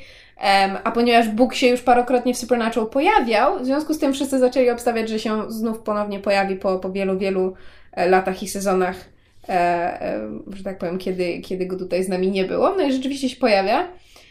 W związku z tym e, Supernatural wchodzi na tereny teologiczne, to znaczy na zasadzie po co tu jesteśmy, czemu nas zostawiłeś, jesteś tym nieobecnym ojcem, jak śmiesz i tak dalej. I to robi dobrze, to znaczy jakby pod względem, kiedy, kiedy jakby, kiedy Supernatural nie próbuje się bawić, nazwijmy to chrześcijańską mitologią, czyli jakby, nie wiem, anioły, demony, koligacje i tak dalej, tylko właśnie wchodzi w takie jakby emocjonalne e, rozterki bohaterów i rzeczywiście poważnie się na, nad tym skupia, to jest fajnie, to znaczy pod względem emocjonalnym rozmowy na przykład Metatrona, czyli głosu Boga z Bogiem, albo Boga z braćmi Winchesterami, którzy w pewnym sensie są jego jego, prawda, wybrańcami, e, czy między właśnie um, czy, czy zarzuty, jakie ma ciemność do swojego brata o to, że prawda, że ją zamknął w klatce na, na w ogóle eony lat i, i, i ona biedna tam siedziała sama i, i teraz chce się mścić, to jest w porządku. Natomiast zakończenie jest do przewidzenia, no bo Supernatural poza jakby elementami fantazy i tam drobnymi elementami horroru jest przede wszystkim serialem o rodzinie, no bo to jest serial, prawda, o samej Odinie i o tym, że rodzina nie kończy się na krwi rodzina jest najważniejsza dla rodziny, się poświęca wszystko. W związku z tym, jakby rozwiązaniem tego wielkiego finału i tego wielkiego konfliktu między Bogiem i, i, i ciemnością, czy, czy też Amarą, bo tak ma na imię, e, jest po prostu pojednanie brata i siostry, to znaczy na zasadzie zrobiłeś mi kuku, o. wybaczam ci, e, kocham cię, chodźmy razem na wakacje. I to autentycznie tak, tak się to odbywa. Tylko, że to się odbywa mniej więcej w trzech czwartych odcinka, a potem mamy jeszcze e, końcówkę. E, nie, no dobra, to już jest po całym koniec, ale w międzyczasie e, dowiadujemy się, że ponieważ w, nie pamiętam już w którym sezonie. W pewnym momencie serial wprowadza taką tajną organizację, nazywa się Men of Letters. I to jest tajna organizacja właśnie trochę jak Talamaska w e, książkach Anne Rice, jeżeli ktoś kojarzy tajna organizacja, która skupia się na tym, że bada zjawiska paranormalne i zbiera o nich informacje, też nie ingeruje, tylko po prostu bada, zbiera informacje. No i się okazuje, że bracia Winchesterowie są jakby tak zwane legacy, czyli po prostu ich przodkowie byli w Men of Letters i oni przez zasiedzenie znajdują jakby, znaczy, prawda, mogą, mogą z, tego, z tych zasobów korzystać, znajdują bunkier, w którym jest bardzo wiele, prawda, książek i właśnie materiałów zebranych przez Men of Letters. No ale jakby no, przez parę sezonów poznawaliśmy tam mniejszą, znaczy w mniejszym lub większym stopniu przeszłość tej organizacji i poprzednich e, jej członków. Natomiast tutaj nagle, jak królik z kapelusza w tym jedenastym sezonie w finale wyskakuje nam e, informacja, że istnieje brytyjska odnoga Men of Letters, w ogóle istnieją europejskie, znaczy jakby to, to nie jest tylko organizacja, która była w Stanach. No i, i, i, brytyjska przedstawicielka tych Men of Letters przyjeżdża do Stanów pod tytułem, żeby zrobić no, no, no, chłopaki Winchesterowie, teraz to przesadziliście, musimy was wsadzić do, do, do mamra, bo teraz to żeście przesadzili. Obserwowaliśmy, jak sobie e, poczynacie i tyle razy, żeście prawie rozpętali apokalipsę, ale teraz to już żeście przesadzili. W związku z czym odcinek się kończy cliffhangerem, w którym właśnie ta, ta brytyjska agentka strzela do sama i nie wiemy. I tutaj, szczerze mówiąc, mnie trochę opadają łapki, bo tak jak ciekawa jest perspektywa tego, że świat Supernatural może się rozszerzyć nie tylko pod względem mitologii, bo jakby już wcześniej pojawiały się w serialu istoty z mitologii innych krajów, tam na przykład, prawda, japońskiej, słowiańskiej i tak dalej, ale może się autentycznie, logistycznie czy geograficznie rozszerzyć poza granice Stanów. To jest fajna perspektywa i nie wiem, zastrzyk takiej, takiego brytyjskiego humoru i jakiegoś takiego bry, brytyjskiego charakteru może, może serialowi zrobić na dobre. A z drugiej strony ja mam straszną awersję do, do, do spiskowych teorii dziejów i tajnych organizacji w serialach. To znaczy, ostatnio były wprowadzone takie wątki w Grimm i, i bardzo, bardzo przez to cierpiałam. Natomiast jest jeszcze jedna rzecz i to jest stosunkowo duży spoiler, ponieważ Amara zanim zniknie, to mówi Dinowi, że ponieważ dzięki tobie, prawda, pogodziłam się z bratem, to zrobię coś dla ciebie w zamian. I odcinek się kończy tym, że Dean, prawda, próbuje się wydostać tam z lasu, gdzie się zgubił, e, wydostaje się i trafia na swoją matkę, która od wielu, wielu lat nie żyje. E, I co zawsze było jakby um, wielkim smutkiem Dina i zresztą obu braci, że prawda, ich matka zginęła przez, przez zabita przez demony, no i to zawsze prawda, wisiało nad nimi jak ten mroczny cień. No i teraz Mary, Mary Winchester wróciła. Nie wiemy w jakim zakresie, nie wiemy na jak długo, nie wiemy co będzie robić, natomiast to jest rzeczywiście aspekt, który mnie cieszy, bo Mary Winchester jest taką w serialu dość, dość istotną postacią i, i jest, y, że tak powiem, e, fajnie skonstruowana, jest z jednej strony żeńskim BDSM, a z drugiej strony nie jest pozbawiona cech kobiecych i, i fajnie by było rozpatrzyć tę całą matczyną relację, która, która, e, której jakby nigdy nie mogliśmy w, w dużym zakresie zobaczyć. W związku z tym, z jednej strony naprawdę tyle, byle, tyle było błędów, w, nie tylko w tym sezonie, ale we wszystkich, które były ostatnio. To znaczy, ja nadal twierdzę, że serial się był, powinien skończyć po piątym i tyle. Natomiast z jednej strony tyle błędów, z jednej strony już zupełnie odchodzi od tego, czym miał być, a z drugiej strony jestem zaintrygowana, to znaczy kierunki, w którym to się może rozwinąć są absolutnie przedziwne i niespotykane, ale interesujące. W związku z tym tak nadal jestem tym, tym biednym zakładnikiem trzymanym z syndromem sztokholmskim, że jednej strony mnie biją, a z drugiej strony się zastanawiam, że może zasłużyłam. W związku z tym stwierdzam, że może zasłużyłam na taki serial. Zobaczymy, jak to będzie. Wiemy już, że to będzie. Jest, to jest hasło na plakat. może na to zasłużyliśmy. nie jest serial, którego potrzebujemy. Ale może na niego zasłużyliśmy, tak. w związku z tym e, wiemy już, że będzie dwunasty sezon, prawdopodobnie będą kolejne Chryste Panie na bananie. E, no i no, będę oglądała, jestem zaintrygowana. Może, może wyjść z tego coś ciekawego. We shall see. No to bez żadnego związku z bieżącymi wydarzeniami, czy czymkolwiek, co się ostatnio działo, mysz e, ma dla nas temat, który chciała przedyskutować. To znaczy, chciałam rzucić taki temat, bo y, jakiś czas temu zgadałam się na ten temat z, z, ze zwierzem i w ogóle jest to temat, który od pewnego czasu w, w mediach czy, czy wśród ludzi interesujących się popkulturą się pojawia. No bo prawda, im głośniej jest o, um, o jakby uprzedmiotawianiu kobiet? Tak, o uprzedmiotawianiu kobiet w Hollywood i o tym, że, że E, są, prawda, wygórowane standardy piękne, którym nikt nie jest w stanie dorównać, prawda, Photoshop w gazetach, um, prawda, aktorki, które mają grać tę brzydką dziewczynę i tak zawsze są śliczne, wystarczy, że zdejmą okulary i och, wielka przemiana, ona nagle jest piękna, nie zdawałem sobie z tego sprawy.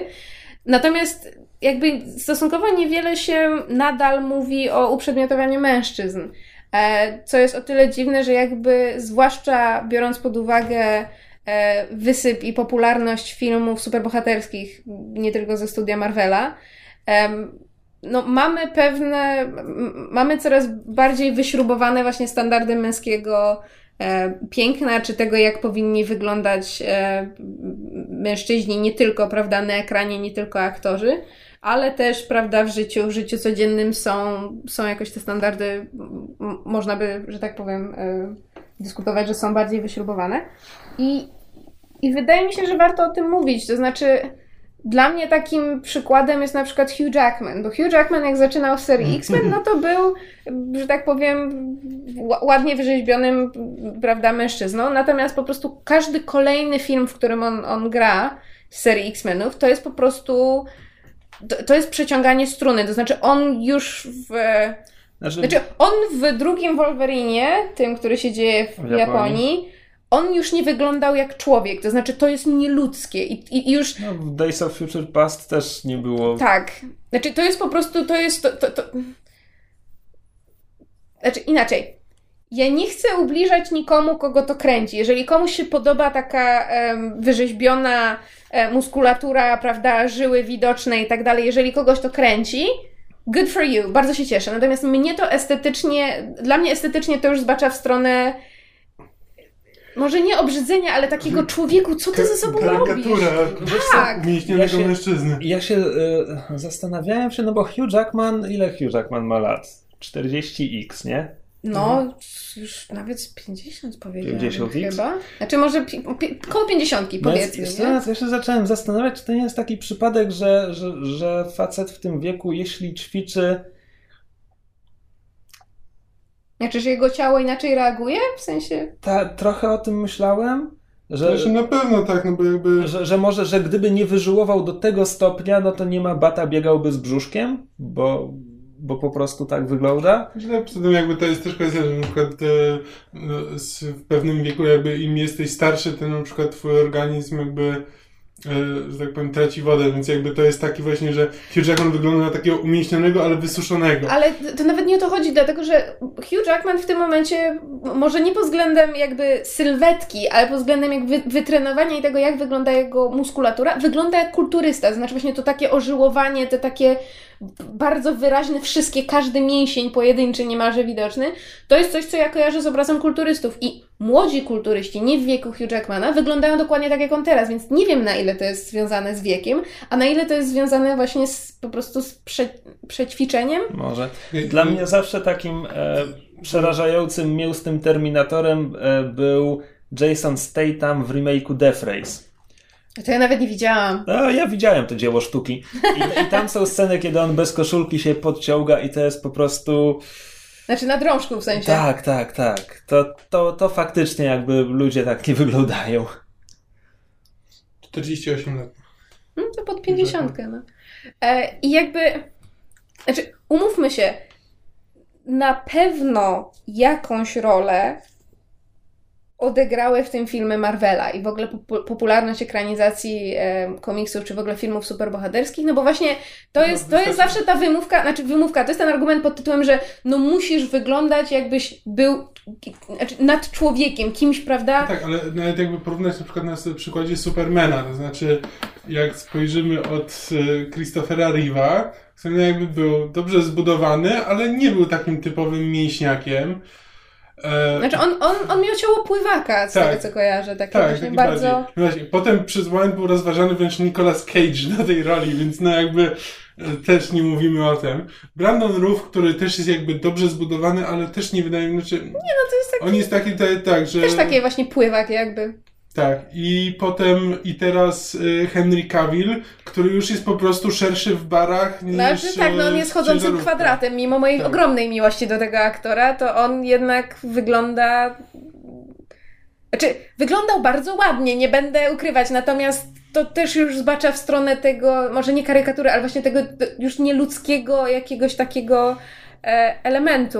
Natomiast ciekawe, e, zobacz na, na Batmanów, no bo był oczywiście Michael Keaton, który E, mogłeś, mogłeś uwierzyć, że jest spokojnym biznesmenem i to jest naprawdę ogromna niespodzianka, że on jest Batmanem? Nie. E, i, I, był przez to spoko, moim zdaniem, mm. bo, bo Batman jest psychicznie chory i jego umiejętności bojowe biorą się z tego, że nie ma strachu i w ogóle, a nie, że jest lepiej zbudowany od absolutnie każdego innego człowieka na Ziemi. E, potem był e, Val Kilmer, który wyglądał jak Val Kilmer, zanim mm -hmm. stał się grubym Val, Valem Kilmerem. A potem był George Clooney i to też jest jakby model męski, natomiast zupełnie nie, nie, nie Arnold Schwarzenegger. Bardziej tatusiowaty Batman. Tak, ale, tak. ale no, in the handsome way. Tak. George Clooney wyglądał tatusiowato odkąd skończył 30 lat, tak znaczy, mniej więcej. On nawet w Ostrym Dyżurze, jak był bardzo młody, wyglądał już tak tatusiowato. Tak. E, natomiast potem masz e, mm, Bale'a i to jest o tyle ciekawe, że Bale strasznie przypakował do Batmana, i ludzie na planie mu powiedzieli: Nie, stary, nie, nie, ba Batman tak nie wygląda. I to widać w filmie. Bo w filmie, jak są sceny z jego treningu w lidze zabójców, to one były kręcone na początku i on jest tam naprawdę strasznie przypakowany. Mhm. I, I potem w innych scenach widać, że, że on stracił trochę mięśni. Hmm. E... Znaczy w ogóle Christian Bale jest tutaj e, przykładem właśnie tego, jak dramatycznie Hollywood wpływa na mężczyzn, no bo... Znaczy, Czekaj, czy, czy, ja, czy, ja teraz, czy, czy ja teraz zmyślam, czy on prosto z mechanika przeszedł do Batmana? Ja mam, ja mam takie wspomnienia, tak. że on prosto właśnie z mechanika przeszedł no, tak, do, do Batmana. To jest, Przerażające. Jest to taka, taka, chciałem powiedzieć wygres, ale taka historia jakby właśnie jak on po prostu miał, wiesz, mechanik, Batman, potem nie pamiętam co było następne, ale... Nie, nie wrestler, tylko ten o... o, o, the, the Fighter. The Fighter, tak, tak zapaśnikach. Też, jakby, też te, schudł. Też schudł, może nie tak jak przy mechaniku, ale zdecydowanie był jakby nie, nie mięśnie jakowaty. I potem nie wiem, czy to był kolejny Batman, czy, Jakoś tak. czy Terminator, czy coś takiego, ale, e, ale on niesamowicie po prostu skakał po tej wadze. Czy to nie może być zdrowe? Znaczy, to, to na pewno zdrowe. nie jest zdrowe i zresztą, znaczy Jared Leto może nie przypakowuje tak bardzo, ale on też miał takie skoki, dlatego że on w pewnym momencie grał um, Chapmana, zabójcę e, Johna Lennona. E, który był stosunkowo pulchnym mężczyzną, potem schudł do, nie pamiętam już do jakiej roli, potem znowu z kolei musiał przepakować do jakiegoś filmu, potem znowu schudnąć chyba do roli w Dallas Buyers Club, gdzie grał jakby, mm. prawda, um, osobę trans, czy tak, queer w każdym razie. Jokera też tak umiarkowanie przypakował. Tak, więc jakby też są aktorzy, którzy jakby zrobili z tego um, no, jak, jakąś karierę w pewnym sensie. Mm. I, I jakby bardzo niewiele, znaczy jakby bardzo często się mówi o tym, że prawda, o, e, tam, nie wiem, aktorka musiała schudnąć do jakiejś roli, albo pamiętam jaka afera była robiona z tego, że Renée Zellweger musiała przytyć do roli Bridget Jones. To jest o tyle interesujące, że ona teraz gra w trzecim filmie i nie widziałam żadnych informacji na temat jej diety, więc zastanawiam się, czy doszliśmy już do tego etapu, kiedy to przestało być istotne, czy po prostu twórcy stwierdzili, że to już przy, tej, przy tym wieku, w którym jest bohaterka, to jakby nie jest jedno z jej, z jej zmagań, że jakby kobiety to już nie interesuje, że to nie jest element, który chcą podkreślać. Natomiast właśnie mam wrażenie, że przy, przy mężczyznach, którzy właśnie bardzo dużo chudną albo e, tyją, albo pakują do roli, zawsze to jest z podziwem na zasadzie, o patrzcie, co on, prawda, zrobił ze swoim ciałem, a jakby bardzo mało się mówi o tym, że ale słuchajcie, to jest, to jest niezdrowe, to jest niebezpieczne, to jest... Znaczy, nie, nie, powinno się takich rzeczy robić. Ja rozumiem, że prawda, bardzo wielu aktorów e, prawda, e, tam ćwiczy na siłowni i, i, i, i prawda, ma, ma diety, wszystko jest pod kontrolą dietetyka, prawda, trenera, wszystko jest e, lekarza i, i wszystko jest jakoś tam pilnowane, miejmy nadzieję. Natomiast nie mówi się o tym, jak właśnie ten wyśrubowany standard aktorów czy celebrytów, no bo tam muzycy, prawda, też bardzo często są, są e, wyrzeźbieni, czy, czy w ogóle już tam pomijam sportowców. E, I jakby nie mówi się o tym, że oni mają właśnie całą, prawda, całą ekipę ludzi, która za tym stoi, która im pomaga, która to nadzoruje, żeby oni właśnie nie zrobili sobie krzywdy, a potem, prawda, normalni, normalni ludzie próbują do tego dorównać i, i z jakiegoś powodu zwiększa się liczba mężczyzn, którzy mają zaburzenia żywienia, a o tym też się w ogóle nie mówi. Mhm. Ja pamiętam, jaka byłam wkurzona i zresztą na ten temat też rozmawiałam z, ze zwierzem w serialu The Real O'Neills, o którym ja nie wiem, czy wspominałam w podcaście, być może. E, chyba wspominałam. Taki serial komediowy o irlandzkiej katolickiej rodzinie, w której najmłodszy syn um, jakby wychodzi z szafy, przyznaje się, że jest gejem, no i jak oni sobie z tym radzą. I w pierwszym pilotażowym odcinku była ciekawa sytuacja, bo kiedy nasz bohater właśnie wychodzi z szafy, to jego starszy brat mówi, że właśnie ma zaburzenia żywienia, że ma anoreksję, a z kolei ich siostra mówi, że jest kleptomanką. I w ogóle ona jest, mam wrażenie, że ma zadatki na psychopatę. Tylko, że potem w kolejnych odcinkach to jakby przepada. To znaczy jakby ten wątek męskiej anoreksji tego, tego um, najstarszego syna jest rozwiązany w ten sposób, że mama mu usmażyła e, pankejki w kształcie Jezusa i to pomogło mu pokonać anoreksję. I to jest autentycznie tak rozegrane i ten temat nigdy nie wraca. A chłopak jest zapaśnikiem w szkole. I słuchajcie, znaczy, my ze zwierzem jesteśmy tak złe, że ten temat został po prostu tak zamieciony pod dywan, bo męska anoreksja to jest coś, o czym w ogóle się nie mówi. Mm. A należy właśnie z tego względu, że jest jej zaburzeń żywienia u mężczyzn jest coraz więcej, właśnie z tego względu, że te standardy są coraz bardziej wyśrubowane, coraz, yy, prawda, szerzej się o tym mówi, że, prawda, o, trenuj tak jak gwiazdy, bądź, prawda, wyrzeźbiony tak jak gwiazdy i tak dalej, a w ogóle się nie mówi o tym, jakie to jest, jaki to jest wysiłek, jaki to jest, yy, jak jest toll. Co? To? Wysoki? Nie, T-O-L-L, w sensie, że... Dogadaliście. że, o tym mówisz, że... Rozumiecie się bez że, słów. Że, Zbierasz Nie. It's a toll on the body. Znaczy w sensie, że nie jest jakby bez, bez swoich konsekwencji. E, bardzo często poważnych zdrowotnych konsekwencji i jakby, znaczy, chciałam z wami na ten temat porozmawiać, bo jakby po, po pierwsze kino superbohaterskie, kino komiksowe to jest w dużym stopniu wasz konik, a po drugie jako faceci zastanawiam się, czy macie na, ten, na, na, na, na to zagodnienie punkt widzenia inny od mojego. No bo ja się na przykład interesuję właśnie tym, jak kobiety są przedstawiane w mediach.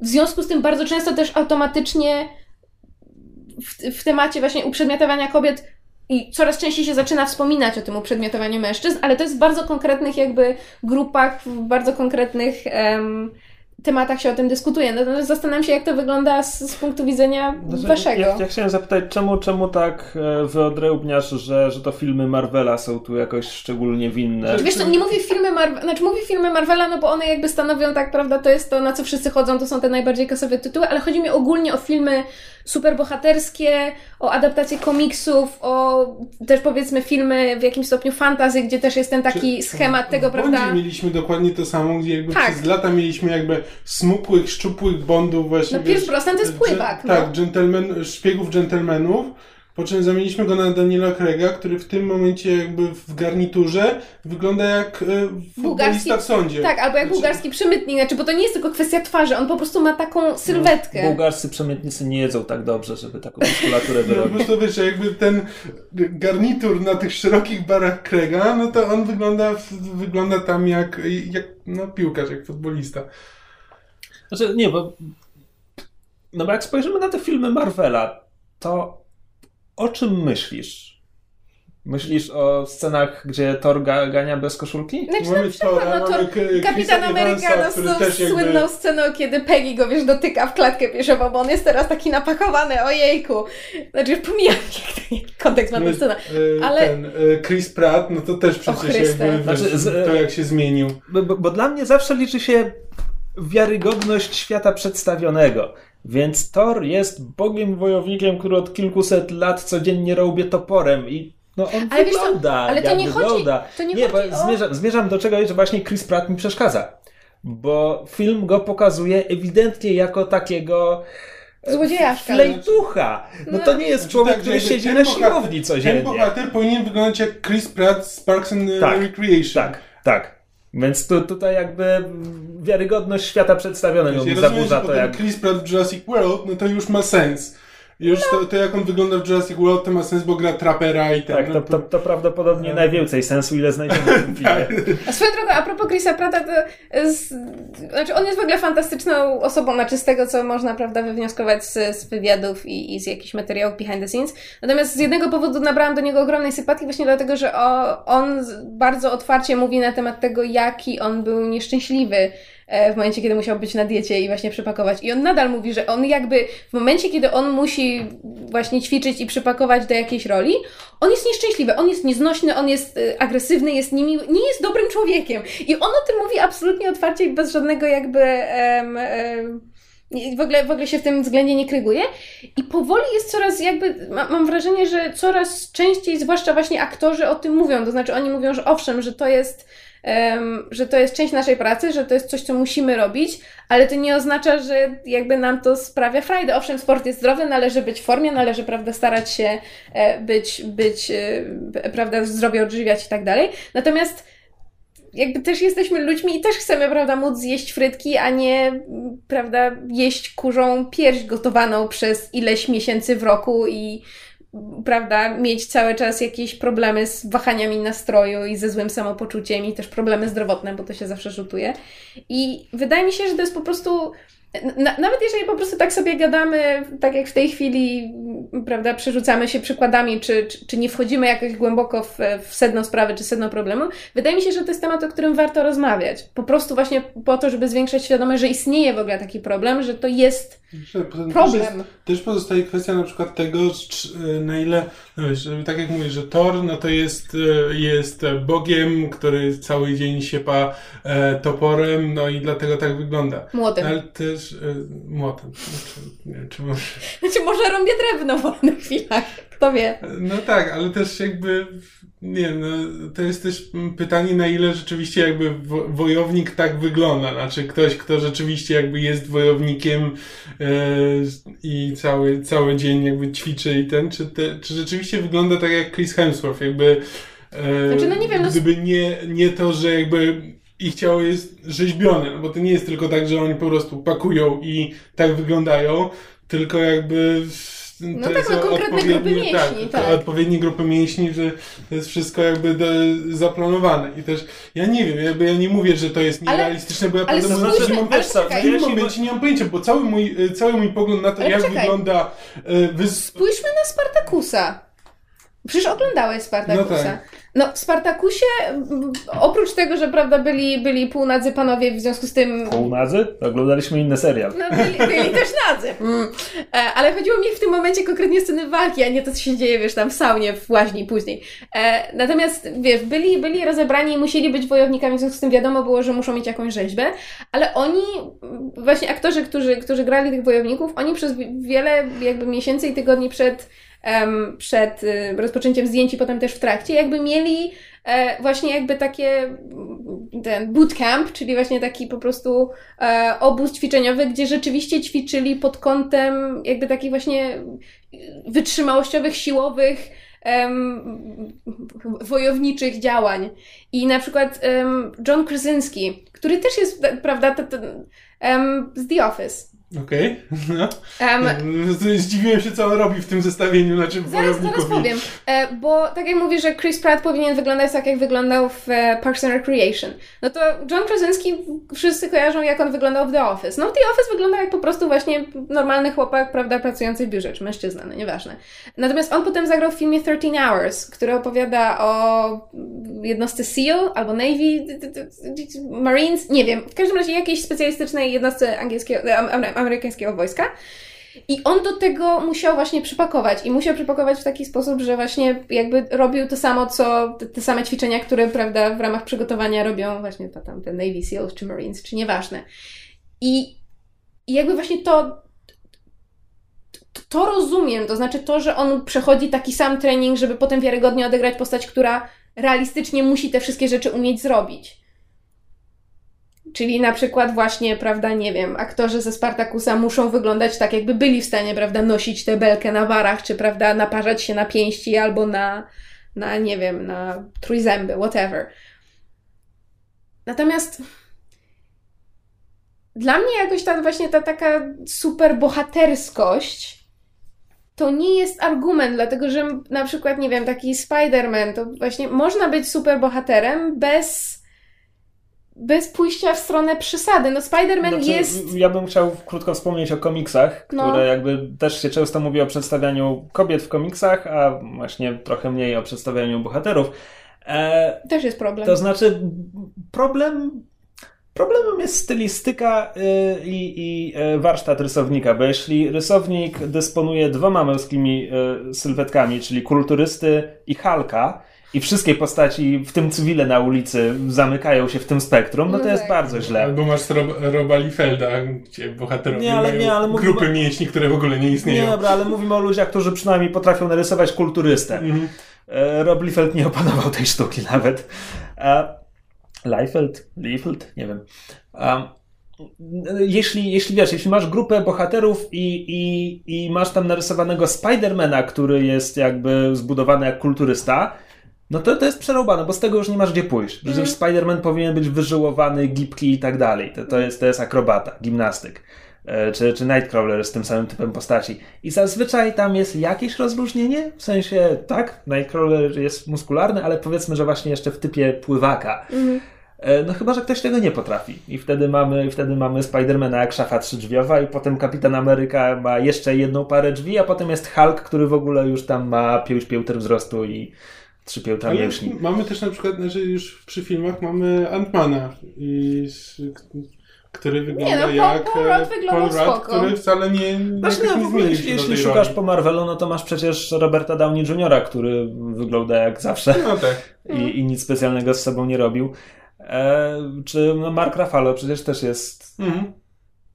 Znaczy on ma trochę inny typ budowy. No, no jest statuśkowaty. No. no tak, no właśnie, ale właśnie, właśnie o tym mówię. Są, są różne typy. Natomiast jeśli, jeśli pytasz, jak naprawdę wyglądają ludzie, którzy ćwiczą, walczą czy cokolwiek, a... Znaczy, ja na przykład, nie wiem, próbowałem teraz myśleć i myślę o na przykład y, tych.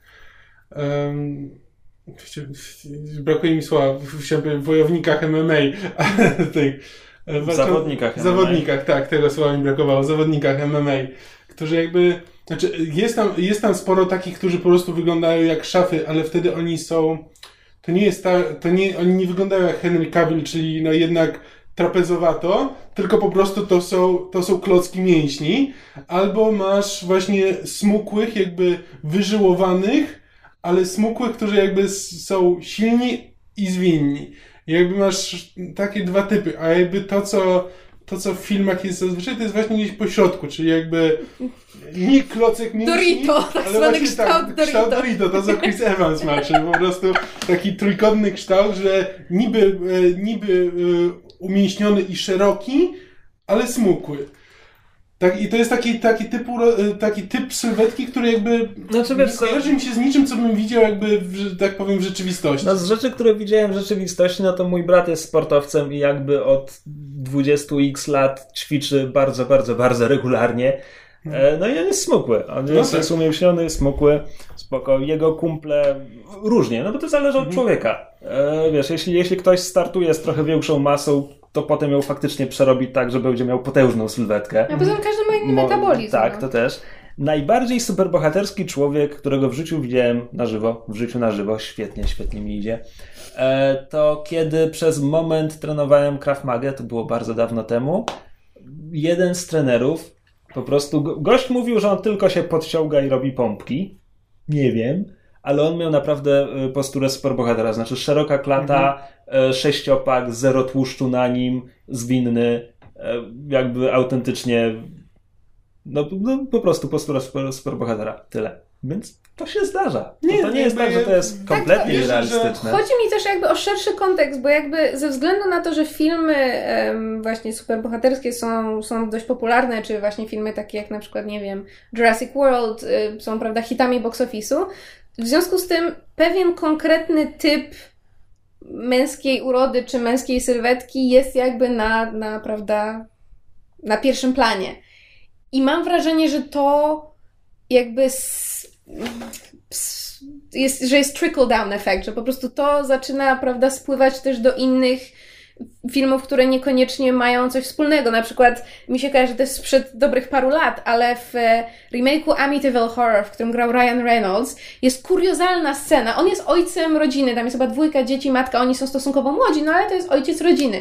Jest scena, kiedy on, nie wiem, w jakimś transie czy coś wychodzi rąbać drewno w, w spodniach od piżamy i z, z gołą klatą. I on wygląda jak potem, prawda, wyglądał, w, czy tam wcześniej, nie pamiętam kiedy to było, w, w Green Lantern, chyba, a, a, mimo, to, mimo, że między tymi filmami był jakby odstęp i on wyglądał no nierealistycznie, wiesz, tutaj ten trójkąt, oczywiście spodnie od piżamy obsunięte maksymalnie nisko because of reasons i wiesz, jeszcze cały naolejowany, to się dzieje w nocy, a on się i tak błyszczy jak psu jajca i to jest po prostu bez sensu. I na przykład właśnie fakt, że coraz częściej w znaczy, nie coraz częściej, od pewnego czasu można to zaobserwować na przykład, wiesz, w komediach romantycznych, czy, czy nawet w, w filmach obyczajowych. Właśnie ten takie bardzo powolne próba wyśrubowania jakiegoś tego standardu, że wszystkie love interests muszą być takie piękne. W związku z tym ja na przykład jak widzę komedię romantyczną, w którym e, love interest jest Bill Hader, tak jak był w ostatnio w filmie Trainwreck, Amy Schumer, czy na przykład um, ten film Sleeping with Other People, gdzie, gdzie mhm. love interest jest Jason Sudeikis. Mhm. Obaj aktorzy, jak, zależnie od czyjegoś gustu, przystojni, natomiast wyglądający jak zupełnie normalni ludzie. I co jest w tym złego? Jack Black był w The Holiday.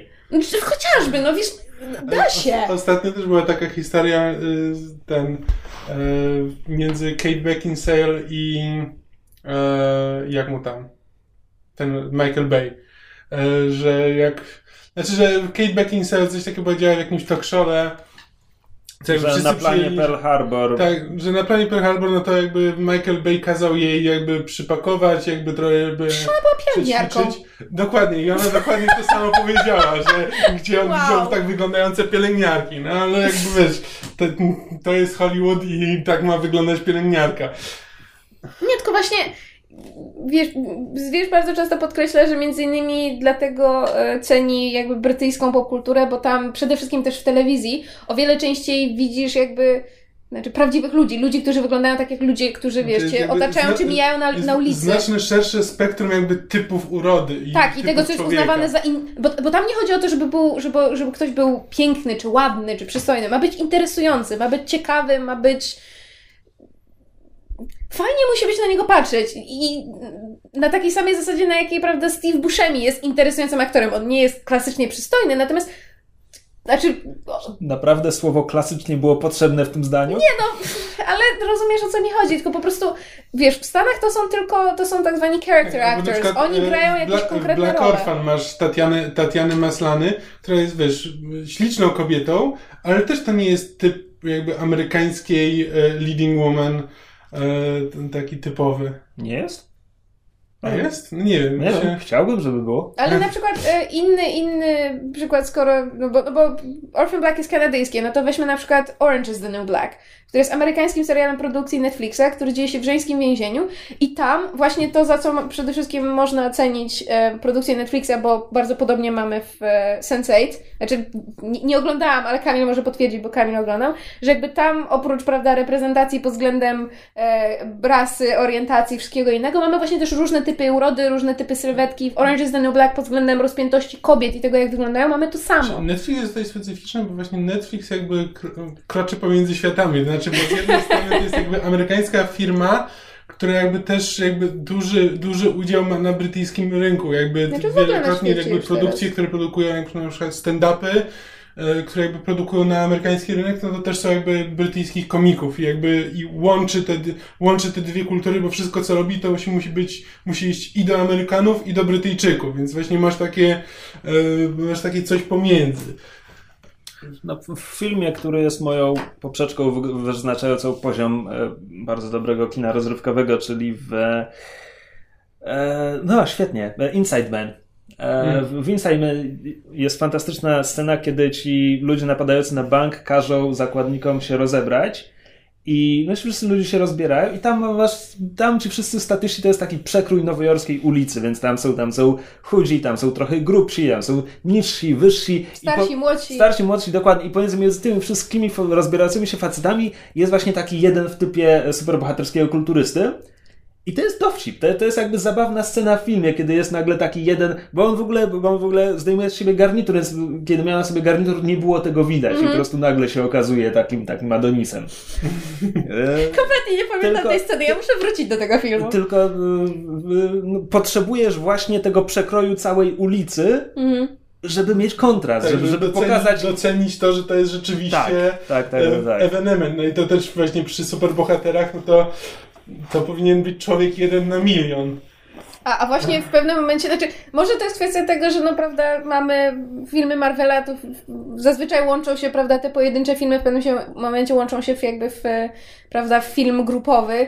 W związku z tym właśnie bardzo często mamy, znaczy mam wrażenie, że po prostu ci superbohaterowie nie istnieją na tle normalnego człowieka. To znaczy normalni ludzie są tak daleko w tle, że nie masz tego kontrastu. No, dobra, tak, ale, ale znowu, bo, bo tak się uczepiłeś się tego Marvela, w którym wydaje mi się, że jest jednak w miarę spory przekrój. tak, ale ja to podaję jako jakby no wiesz, pierwsza rzecz, która nie, mi no przychodzi no dobra, do tak, głowy. Nie, po prostu chodzi mi o to, że, że poza, poza e, Evansem, Hemsworthem i, i Pratem masz tam, masz tam właśnie e, Rafalo, masz Downey Juniora, masz e, jak się nazywa ten z łukiem, Renner, masz Renera, którzy wyglądają normalnie. Oni wyglądają normalnie. Czy ja wiem, Renner, jak Renner ten, w Bornie się Antoni bardziej Maki ten też dopiero. Antoni Maki też bardzo porządnie no. wygląda. Tak, ale jakby oni, wiesz, to, to wciąż jest jakby grupa zaskakująco dobrze zbudowanych ludzi. No, jakby... Tak, ale tu wracamy nie, do tego, że ale realistycznie dobrze zbudowanych. Poza pierwszą trójcą. Antony Maki wygląda po prostu jak gość, który, który regularnie ćwiczy. Nie znaczy w tym momencie. No i gra żołnierza. No. Nie, pamiętam jego bez koszulki, więc. On nie ma sceny bez koszulki. Nie ma takiej. Ja mówię w ogóle. Okay. E, natomiast nie po prostu chodzi mi o to, że ponieważ te firmy są tak popularne i ponieważ wszyscy w nich bohaterowie są przypakowani, już abstrahując od tego, że to są uzasadnione, bo są super bohaterami, to w pewnym momencie dochodzi do tego, że wiesz, najbardziej kasowe, najbardziej oglądane filmy, które ludzie, wiesz, przeciętny zjadacz chleba ogląda, no to są właśnie te, te, wiesz, te filmy, w których 99% mężczyzn wygląda jak, powiedzmy, nie wiem, może nie Chris Hemsworth, ale powiedzmy właśnie Paul Rudd. I jasne, to, to jest w miarę przyzwoita, wiesz, zdrowa sylwetka, nie jakoś nader przypakowana, ale to wciąż jest stawianie tego standardu tak, tak, o wiele za wysoko. No tak, no ale Hollywood zawsze to robiło. Ale mam wrażenie, no nie, no nie zawsze, no bo znaczy, ja osobiście znaczy, mam ja, wrażenie, ja wiem, że, że, kiedyś ludzie wyglądali, że tak powiem, realistycznie, czyli byli w formie, ale to nie była forma wykokszona przez lata na, no tak. na siłowni. Z biegiem czasu jakby jest tak coraz bardziej znaczy, śrubowany. Ten, ale, ale zawsze brano standard. Tych najprzystojniejszych Nie, no tak, ról. oczywiście. No w nie, Hollywood no, jakby wygląd tak. zawsze stał na, na, na, na jednym z, prawda, z, z, stał na szczycie listy, prawda, znaczy, cech, dla, które chcemy dla mieć Dla mnie to, to, o czym mówisz, po prostu wpisuje się w ten szerszy nurt, gdzie powtarzałem już parę razy w podcaście, że, że kiedyś e, główni bohaterowie w, w, trudnych scenach, w scenach, kiedy ich, bo, ich postaci są pokonywane czy coś, mogli zostać pokazani jako brzydcy w tym, w tym załamaniu, w tym, jakie im tak, granie spuszczono. Słabi, no. albo, albo po prostu słabi. No i tu ja jako ten przykład zawsze podaję tego, jak Mark Hamill wygląda, kiedy Vader mu spuszcza łomot w Imperium kontratakuje a jak Chris Pine wygląda w Star Treku, kiedy niby ma obitą mordę, ale wciąż jest modelem męskim po bójce w barze. Mm. To, to jest ta różnica, która, która mi się no, podoba. Czy Harrison Ford, który, okej, okay, on nigdy jakoś w Indiana Jonesach nie jest strasznie poobijany, ale jest zmęczony, jest brudny, ale jest nie, spocony. Ja mam wrażenie, że o tym wspominałam, jak omawialiśmy drugi sezon Daredevila, że jak, jak strasznie mi się podobało to, jak oni zrobili charakteryzację Punishera, bo on wyglądał jak skatowany człowiek i to było mhm. fenomenalne. Pomijam już jak właśnie, że, znaczy mam wrażenie, że, że oczywiście znowu zapomniałem imienia aktora i chcę powiedzieć imię jego postaci John Bertard. Bertard, tak, dziękuję, że on jakby właśnie wygląda, on i, i, i Charlie Cox jakby w tym serialu wyglądają tak, no, dość realistycznie, znaczy pod względem, prawda, tego, kim są i co Charlie robią. Charlie Cox no to w ogóle wygląda jak człowiek, którego byś w życiu nie posądziła o bycie No i jakby to, to jest, to jest część, część tak. jego, prawda, postaci. Znaczy, tak powinni wyglądać, znaczy bohaterowie, znaczy, to jest to, co o Batmanie mówiliśmy, że jakby to powinno być zaskoczenie. Znaczy, to powinien być człowiek, którego nikt by w życiu nie podejrzewał, że może być. No, no tak, jak, tak jak w tym no bo... no wiesz, człowiek w garniturze zdejmuje garnitur i nagle się okazuje, co jest pod spodem. Znaczy, tak, nie, bo zasadniczo wiesz, w Batmanie na przykład Bale'a, to tak naprawdę te, ktoś powinien się zastanowić, że kurczę, no mamy takiego, mamy takiego człowieka, który się przebiera w kostium Batmana, ma najnowsze, ma najnowsze zabawki, ma dostęp do najnowszej technologii militarnej, w dodatku jest, jest yy, yy, idealnie sprawny, to może to jest ten milioner, który wygląda jak męski model. No, no, no, to, no, od tego już tylko krok, żebyśmy zaczęli się nabijać z okularów Clarka Kenta. No. A przy czym to jest o tyle zabawne, że Bale dla mnie on wygląda spoko. Znaczy po tym jak się odchudził, jak zrzucił te mięśnie, które widać jak trenuje z, mm. z Ligą Zabójców, już o tym mówiłem w tym znaczy, tak, tak. to potem wygląda spoko. E, I potem mamy Zaka Snydera, który przychodzi i robi Batman v Superman i, i, i on to mówił zresztą, że no, nasza idea jest taka, że Batman, Batman ma być szerszy od Supermana. Batman ma przyćmiewać Supermana swoją muskulaturą. Why? Czemu? Bo, bo, Frank Miller go tak narysował w Mroczny Rycerz powraca? Znaczy, chyba? U Franka Millera tam każda postać nie przyćmiewa tak. każdej postaci, bo tam wszyscy są kwadratowi? Trochę, trochę no. tak. Nie, ale jeszcze są takie, znaczy jeśli się szczepiamy na przykład realizmu te, tego typu, no to znaczy to, co już mówiłem o Bondzie, no, że to miał być Gentleman Spy i tak dalej, e, a teraz mamy Krega, znaczy, ale mamy... Nie w oryginalnych powieściach, więc znowu to zawsze daje się obronić. No, w okay, powieściach okay. Fleminga Bond jest tełpym narzędziem do zabijania. Okay. A na przykład Jason e... Bourne, bo ja muszę, ja planuję przed czwartym boardem, który teraz będzie, czy właściwie piątym, teoretycznie nie licząc tego z Rennerem, ja planuję zrobić sobie powtórkę z trylogii, bo bardzo źle, znaczy praktycznie jej nie pamiętam. I będę musiała sprawdzić, dlatego że w, w trailerze do tego najnowszego Borna mamy, prawda, właśnie Mata Damona bez koszulki, gdzie on tam bije się z kimś na pięści. I właśnie wygląda w stronę tak, powiedzmy może nie Chrisa Prata, ale powiedzmy Chris Evansa z, tak z pierwszego Kapitana Ameryki, to znaczy jest tak bardzo przypakowany. I ja sobie nie przypominam, żeby Jason Bourne z jedynki tak wyglądał. No właśnie, i to jest znowu jak to go, takie... Jak go wyciągają z morza, to wygląda po prostu jak Jak człowiek, tak. No. mężczyzna. No. I właśnie, wiesz, to takie przyśrubowanie. Nie, bo jeszcze co chciałem dokończyć, że na przykład w Man, Man from Uncle e, mamy dwóch... Przepraszam, mamy ale oni są dwóch... piękni. No właśnie.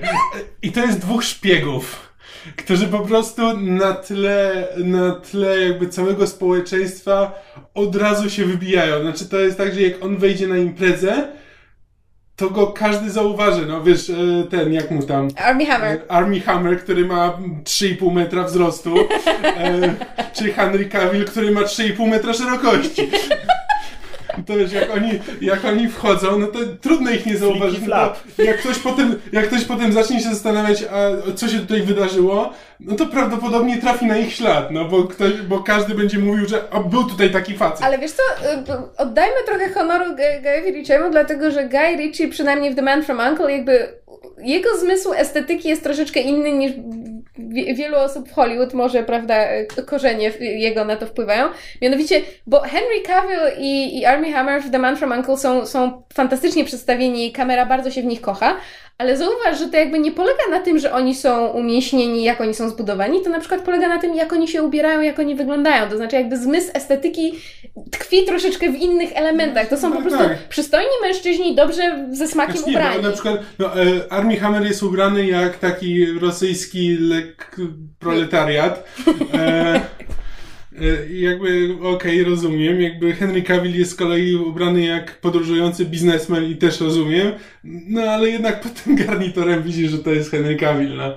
To jest jednak człowiek, którego trudno jest nie zauważyć, a jednak szpieg powinien się wtapiać w. No ale rozumiem, że to są filmy. No, no tak, no to jakby, jest... no nie możesz wybrać do, no jest... nie możesz zatrudnić do filmu kogoś, kto się wtapia w tło, znaczy kto się zlewa ze ścianą. Znaczy, wiesz, ale to jest właśnie, to jest, to jest kwestia stylizacji, no bo jednak The Man from Uncle jest, jest wiesz, się w latach 60 jest stylizowany na pewien konkretny film. Natomiast z jakiegoś powodu wracam do tego Jasona Borna, bo to jest właśnie ten, ten szpieg, ten agent, który ma się wtapiać w tłum. I to, jak, jak Matt Damon wyglądał w pierwszym Bornie, to jest właśnie po prostu ten, oprócz tego, że wygląda jak Matt Damon, no to to jest człowiek, którego miniesz na ulicy i nie obejrzysz się dwa razy. Natomiast Matt Damon, tego, którego widzimy w trailerze do, do kolejnego Borna, przynajmniej bez koszulki, no to to, znaczy pomijam, że jakbyś taką osobę zobaczył bez koszulki, to pewnie byś obejrzał, ale chodzi o pewne jakby właśnie wyśrubowanie. I Krzysiek, ja się zgadzam z tobą z tym, w tym, że to jest część większego problemu, to znaczy tego jakby braku przyzwolenia na to, żeby w, w filmach i w sumie nawet chyba też w serialach, chociaż to, to, zależy, mam wrażenie, że ponieważ telewizja jest jakby tego bliżej, tego, prawda, tego przeciętnego, codziennego człowieka, to jakoś troszeczkę to inaczej się traktuje, ale w filmach wszystko musi być takie, prawda, piękne, wygładzone, że nie ma tego przyzwolenia na to właśnie, żeby, żeby być brzydkim, żeby być słabym, żeby być w, w jakimś sposób właśnie czymkolwiek innym niż ten, prawda, perfekcyjnie wyrzeźbiony mężczyzna, czy ta, prawda, e, ponętnie ukształtowana kobieta. No tak, no to jest to samo, co, wiesz, główna bohaterka wpada do wody i wyłania się z perfekcyjnym make-upem. Mm. Tak, tylko ponieważ wydaje mi się, że mówi się teraz właśnie, wiesz, im głośniej jest o, o kwestiach e, gender, słowo klucz na dzisiaj, e, i, i o kwestiach właśnie tego, jak są przedstawiane kobiety w, w popkulturze, to jakby zapomina się o, o tym, że jakby to, to, to, to znaczy jakby, że, że, że, że jak to powiedzieć? Tak dobrze ci szło. No nie? Że nie tylko w, w tej grupie nie ma równowagi, to znaczy jakby, że nie tylko wśród e, prawda, płci pięknej jest problem, że problem tkwi jakby szerzej, ogólniej i, i że należy o nim rozmawiać. Znaczy, też mam takie wrażenie po prostu, że kiedyś jakby kino no to polegało na tym, że ma pokazywać no, świat taki, jaki jest, ale ciekawszy. Znaczy nasz świat, ale jakby dzieje, dzieją się w nim ciekawsze rzeczy. A jakby teraz mamy po prostu taką, że jakby cała wizja świata jest Bardziej. Tak, no bardziej, tak. To jest po prostu fan, e, fantastyczna wizja świata. Znaczy wszystko jest jakby ciekawsze, ludzie są piękniejsi, bardziej charyzmatyczni jakby w, każdy jest taką um, platońską, idealną ideą tego, tej postaci, którą gra. Idealną ideą. No, ale mam, mam wrażenie, że to było w kinie od zawsze. Może, może, może teraz rzeczywiście. Znaczy, wiesz co, podejrzewam... dopowiadam pod tezę. Nie, Uj, wiesz, ujmy... nie, nie, jestem znawcą kina niestety, więc... Ujmę to tak, no bezdomni, których mijam na ulicach nie wyglądają jak Charlie Chaplin.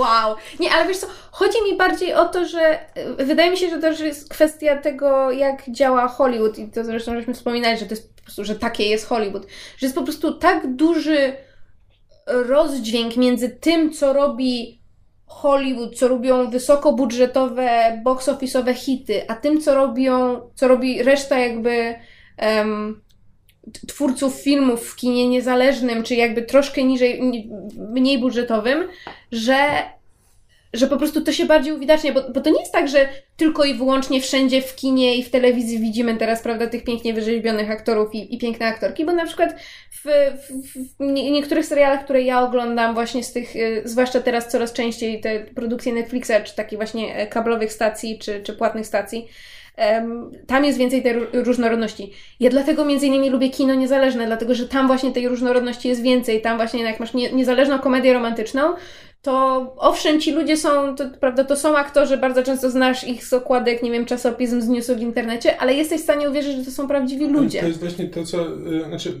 jakby cała ta kwestia to jest też w dużej mierze jakby kwestia marketingu, znaczy, że to jest tak, że w tym momencie jakby producenci nie tylko kręcą filmy, tylko porno, znaczy, to masz być, to ma być, e, jeśli masz głównego bohatera, to jak go wrzucisz na okładkę GQ, to on musi zwracać na siebie uwagę. Znaczy to jakby twój wzrok, twój wzrok musi od razu lecieć do tej okładki, jak ją, e, jak ją zobaczysz na wystawie, czy jak zobaczysz gdzieś w internecie. Znaczy to to musi być, to, to nie może być właśnie ktoś, kto wygląda jak człowiek, tylko to musi być ktoś, kto od razu zwraca twoją uwagę i kto jakby jest w stanie ją przykuć w ten czy inny sposób. A to, że jakby większość producentów, no to, żeby przykuć uwagę, no to jedyne co wymyśla to właśnie porno, czyli zróbmy, zróbmy z niego Adonisa, no to to jest e,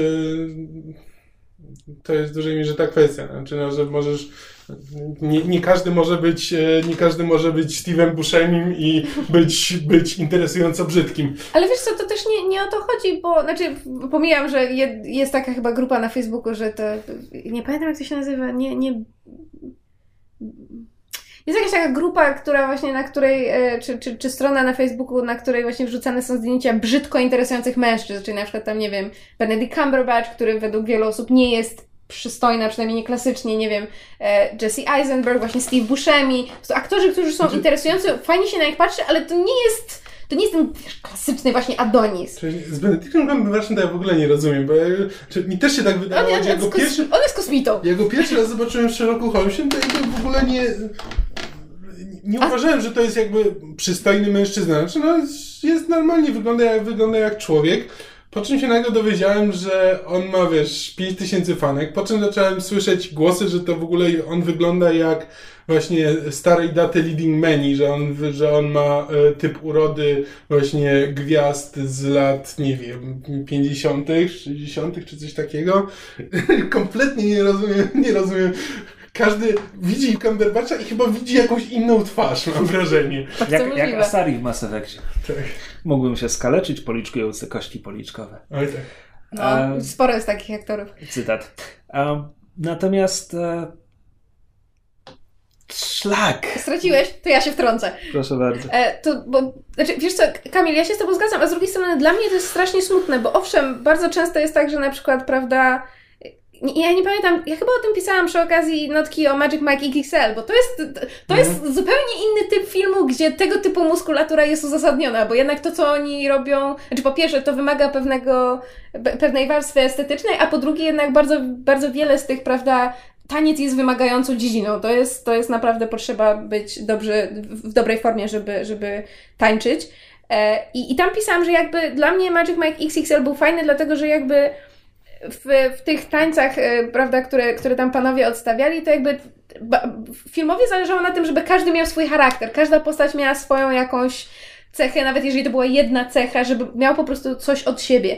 I, i kwintesencją też filmu było to, że myśmy widzieli tę ich podróż za marzeniami, to prawda, ten ostatni zryw, a potem oni chcą zacząć realizować swoje marzenia, które są niekoniecznie z tańcem związane.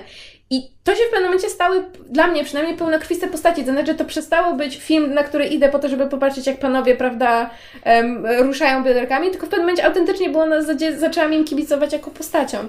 I dla mnie na przykład o tyle smutne jest właśnie to sprowadzanie, nie wiem, kampanii promocyjnej filmu do, prawda, zdjęcia półnagiego aktora w GQ, jest to, że owszem, na niego jest fajnie popatrzeć, ale to jest puste opakowanie. Jeżeli aktor nie ma nic do zaoferowania jako osoba, nie wiem, jako, prawda, um, ktoś, kto udziela fajnych wywiadów i jest fajnym człowiekiem, przynajmniej to, co można, prawda, wyczytać z materiałów, czy nie ma żadnego talentu aktorskiego, jeżeli nie ma nic do zaoferowania poza tym, że ładnie wygląda, to on mnie nie interesuje, dlatego że ja na przykład do Henry'ego Cavilla nabrałam ogromnej sympatii po The Man From Uncle, jak zaczęłam y, na fali mojego wielkiego olśnienia jego pięknym wyglądem i czarującą osobowością w filmie, zaczęłam oglądać materiały promocyjne i się zorientowałam, że to jest po prostu szalenie dowcipny, fajny, sympatyczny facet, a potem jak jeszcze zaczęłam czytać wywiady i się dowiedziałam, że on ma właśnie bardzo takie um, takie w sumie przedmiotowe podejście do swojej pracy. To znaczy na zasadzie, tak, wezmę film, za który mi zapłacą grube pieniądze, który nie będzie koniecznie wielkim kinem, bo też chcę za coś, mieć za coś żyć. Wożą mnie po całym świecie,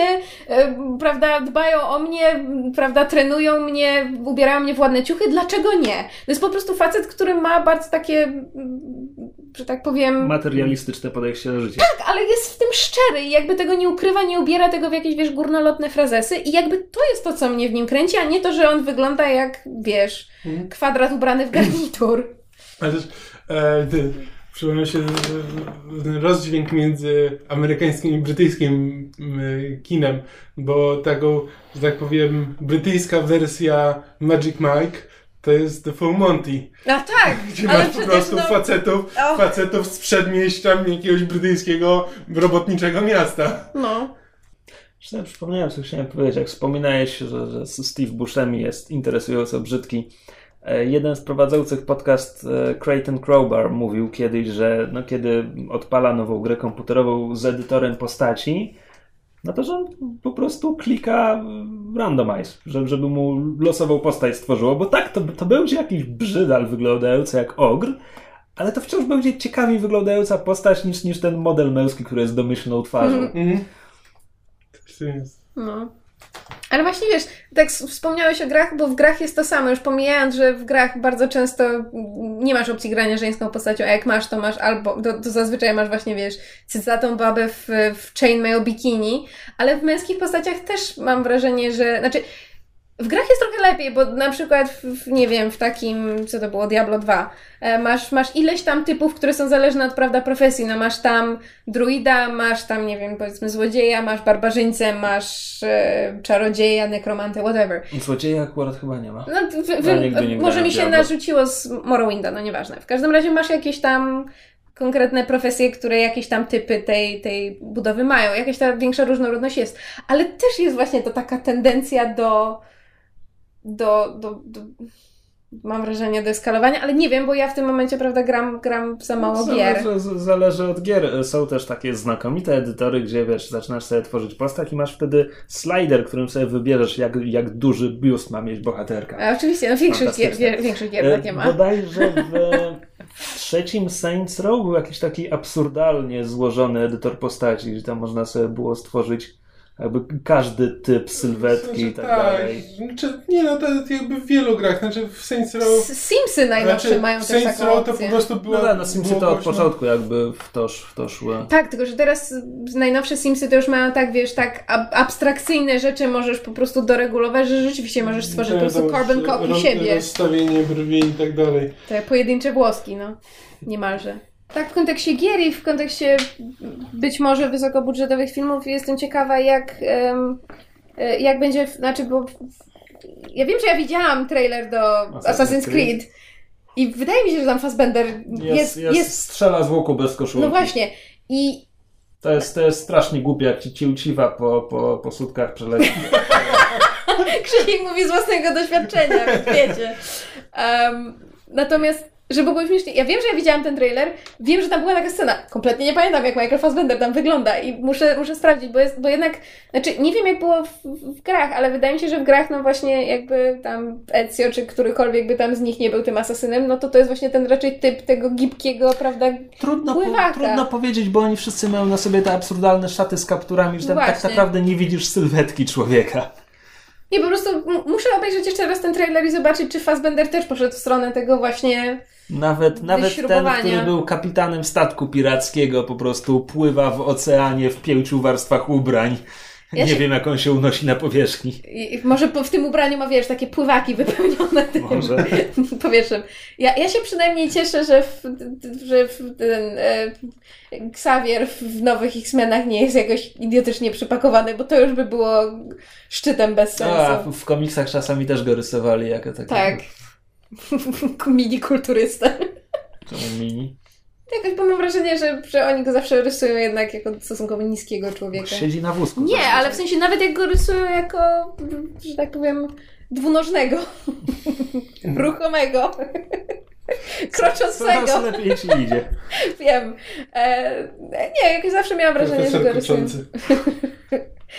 zawsze go rysują jakoś jako... Profesor Ad Um, tak, ponieważ już słychać, że nam e, zaczyna powoli znaczy, odbijać. Czy mi się wydaje, że wnioski są takie, że zasadniczo no, gdzieś tam jakiś problem jest, choć zasadniczo pewnie mniejszy niż z kobietami, bo jednak więcej mężczyzn jakby kreuje te postaci. E, więcej mężczyzn jest w Hollywood, jakby pracuje w Hollywood na wyższych pozycjach, znaczy... więc jakby masz też większe odzwierciedlenie. Więc jakby pewnie gdzieś tam ten problem jest w tym momencie nas jakoś szczególnie nie bulwersuje, ale zasadniczo zasady, znaczy, różnorodność jest fajna i fajnie, żeby te co, postaci jakby wyglądały. Sam, sam, bo wiesz, powiedziałeś, że większość twórców w Hollywood to mężczyźni i, i owszem, ale śmieszne jest to, że oni odpowiadają zarówno za jakby ten wyśrubowany obraz kobiet, co jakby jest sensowne, no bo oni chcą widzieć, prawda, te piękne, niedostępne kobiety i najlepiej jeszcze, prawda, napisać taki scenariusz, że taka piękna kobieta, prawda, zakocha się w byle ćmoku. E, natomiast śmieszne jest to, że jest też to takie to, to fulfillment fantasy, gdzie właśnie, prawda, męscy twórcy bardzo często piszą, czy, czy w jakiś sposób jest to tak obsadzane, że, że prawda, właśnie jest ten wysiłbowany ideał, którego oni nigdy nie osiągną, ale który, prawda, gdzieś tam w głowie chcieliby, mieć, prawda, na takiej samej zasadzie. Znaczy, wiem, że bardzo... To jest częsty argument w internetowych dyskusjach o tym, jak... E, jak są rysowane postaci jak, komiksowe, Jak postaci kobiece, że są, że są e, seksualizowane i argument, który pada z drugiej strony, to jest często, no ale przecież ci wszyscy bohaterowie to też są tacy, takie wzorce męskiej urody, mm. umie, muskularni, umięśnieni i tak dalej, wspaniali. Jest piękny e, pasek komiksowy, nie pamiętam autorki, autora? Raczej autorki. Gdzie po prostu wymiana właśnie jest dokładnie ta sama wymiana zdań między, między tam męskim fanem i, i, i, i fanką. E, męskim fanem, fanem, między fanem i fanką, tak? I właśnie fanka najpierw odpowiada, że tam poczytaj o. O Jezu, jak, jak to jest termin? Że to jest, no, te, te, ta nierówne porównania, że. że... False equivalence. Tak, tak, tak, właśnie. Po czym mówi, no bo weźmy na przykład takiego Batmana, jeśli. No, no że, że ci bohaterowie są rysowani tak, że mają spełniać fantazję czytelników, a nie czytelniczych. Czytelników o, o tam tężyźnie fizycznej i tak dalej. Bo gdyby, mieli spełniać marzenia fanek, żeby być atrakcyjni dla fanek, no to weźmy takiego Batmana. On, on, on musi być smukły, taki bardziej zręczny, zwinny niż, niż, niż, niż silny. Przypakowany, tak. Przypakowany, tak. E, maska powinna, powinna odsłaniać trochę więcej twarzy, powinien mieć duże, wyraziste oczy. Najlepiej podkreślony mm. eyelinerem, because that always works do tego, do takiego, takie zmysłowe usta, dobre, dobre do całowania. I właśnie pokazuje w końcu efekt, taki, taki efekt takiego Batmana właśnie. Taki animcowaty, animcowaty Batman, tak. Dokładnie, na co, na, na co fan mówi, um, um, czuję, czu, czuję się jakoś dziwnie. Ona odpowiada, welcome to the background radia radiation of my life. no właśnie. Więc y, tak, tak ta nierównowaga wygląda. Y, nie mamy, jak słyszycie, żadnych konkretnych wniosków, natomiast Fajnie, że nam się udało na ten temat porozmawiać. Zachęcamy Was też do, do wyrażania swoich opinii, jakichś przemyśleń na ten temat i w ogóle do dyskutowania na ten temat, zwracania uwagi na ten problem i na te kwestie nie tylko w kontekście żeńskich postaci, ale też męskich postaci Hollywood, Hollywood i popkultury y, in general, że tak powiem. A w ogóle to sport to zdrowie i jednak ja lepiej go uprawiać uważam, niż nie uprawiać. Ja w ogóle uważam, że Seks czasami... Też. wow. What? It's a type of sport. Wnios wnioski są przereklamowane. Nie zawsze, nie zawsze dyskusja musi prowadzić do tego, żeby wyciągnąć z niej jakieś wnioski. Czasami po prostu. Właśnie, że w kinie drogi liczy się podróż, a nie cel. Tak, no czasami warto po prostu zwrócić uwagę na jakieś zjawisko i to, tak naprawdę wystarczy samo w sobie, żeby, żeby pomóc, a niekoniecznie trzeba bić po głowie tym, co właściwie powinni robić w tym momencie twórcy. Albo tak sobie wmawiamy. Albo tak sobie wmawiamy. Tak, e, to tyle na ten odcinek. Dziękujemy Wam bardzo za uwagę. E, zanim się jeszcze pożegnamy kompletnie, e, mamy kolejnych paru patronów, którym chcemy bardzo serdecznie podziękować za to, że nas wsparli pieniążkiem na patronite.pl ukośnik myszmasz. Tak, doszło aż pięcioro nowych patronów. Mamy w sumie już dwudziestkę. Legasp. Prawda? Such fame, macz kwiaty. Proszę do garderoby. To właściwie w pewnym sensie jesteśmy lepsi od gąciarza. Bo mamy lepszy stosunek fanów do patronów. Procentowo. What? No, procentowo większy stosunek naszych fanów wsparł nas na Patronite niż procentowo procent subskrybentów Gąciarza wsparł go na jego Patronite. Tak? Obliczyłeś to? Znaczy nie, ale Paweł dzisiaj wrzucał, że to, że tak naprawdę, że Gąciarza wsparł 0,0 e, nie, 0,4% subskrybentów jakby. Jezus Maria, to jest... Chcesz bo... powiedzieć, żebyś się nie zamienił? Co, co, co? Nie, nigdy. Co? Jezus Maria, to teraz próbuję sobie wyobrazić, co by się stało, gdyby go wsparło na przykład 5% jego no. subskrybentów. Chryste Panie! Ale my jesteśmy bardzo wdzięczni za wszystkich naszych patronów, yy, wszystkich razem i każdego z osobna. Tak jest. Yay, thank you! Jako już się kiedyś rzekło, traktujemy naszych patronów trochę jak szare eminencje tego podcastu. E, władców marionetek trzymających, pociągających za nasze sznurki. Master of puppets, master of puppets. Dokładnie tak. No strings on me. Ukryte, ukryte w cieniu, ukryte w cieniu e, złowieszcze sylwetki. E, dlatego postanowiliśmy nadać Wam odpowiednie tytuły jako wyraz naszej wdzięczności.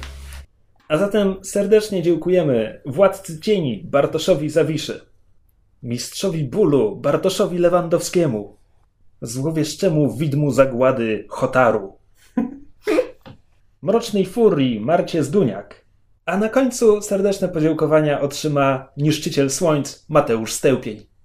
No, więc jeszcze raz serdecznie dźwięk... dziękujemy. Wow.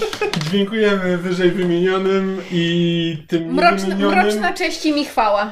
Jesteśmy wdzięczni naszym patronom, ale też jesteśmy wdzięczni naszym y, słuchaczom, wszystkim pozostałym, którzy tydzień w tydzień. Gdyż albowiem każdy słuchacz ma w sobie potencjał, by zostać patronem. Wow. Super. Każdy słuchacz ma w plecaku buławę patrona. Jesus. Tak, i tym e, wcale nie e, ten interesownym akcentem, Ani trochę. ani trochę, e, kończymy dzisiejsze nagranie. Dziękujemy Wam bardzo za uwagę. E, dajcie znać, co sądziliście i do usłyszenia w przyszłym tygodniu, zgodnie z tradycją. Na razie. Słuchaliście podcastu Myszmasz. Możecie nas znaleźć na myszmasz.pl lub polubić nasz fanpage na Facebooku. Możecie nam także wysłać maila na myszmaszpodcast.gmail.com Jeśli do nas napiszecie, będziemy szczęśliwi jak agresywna krewetka.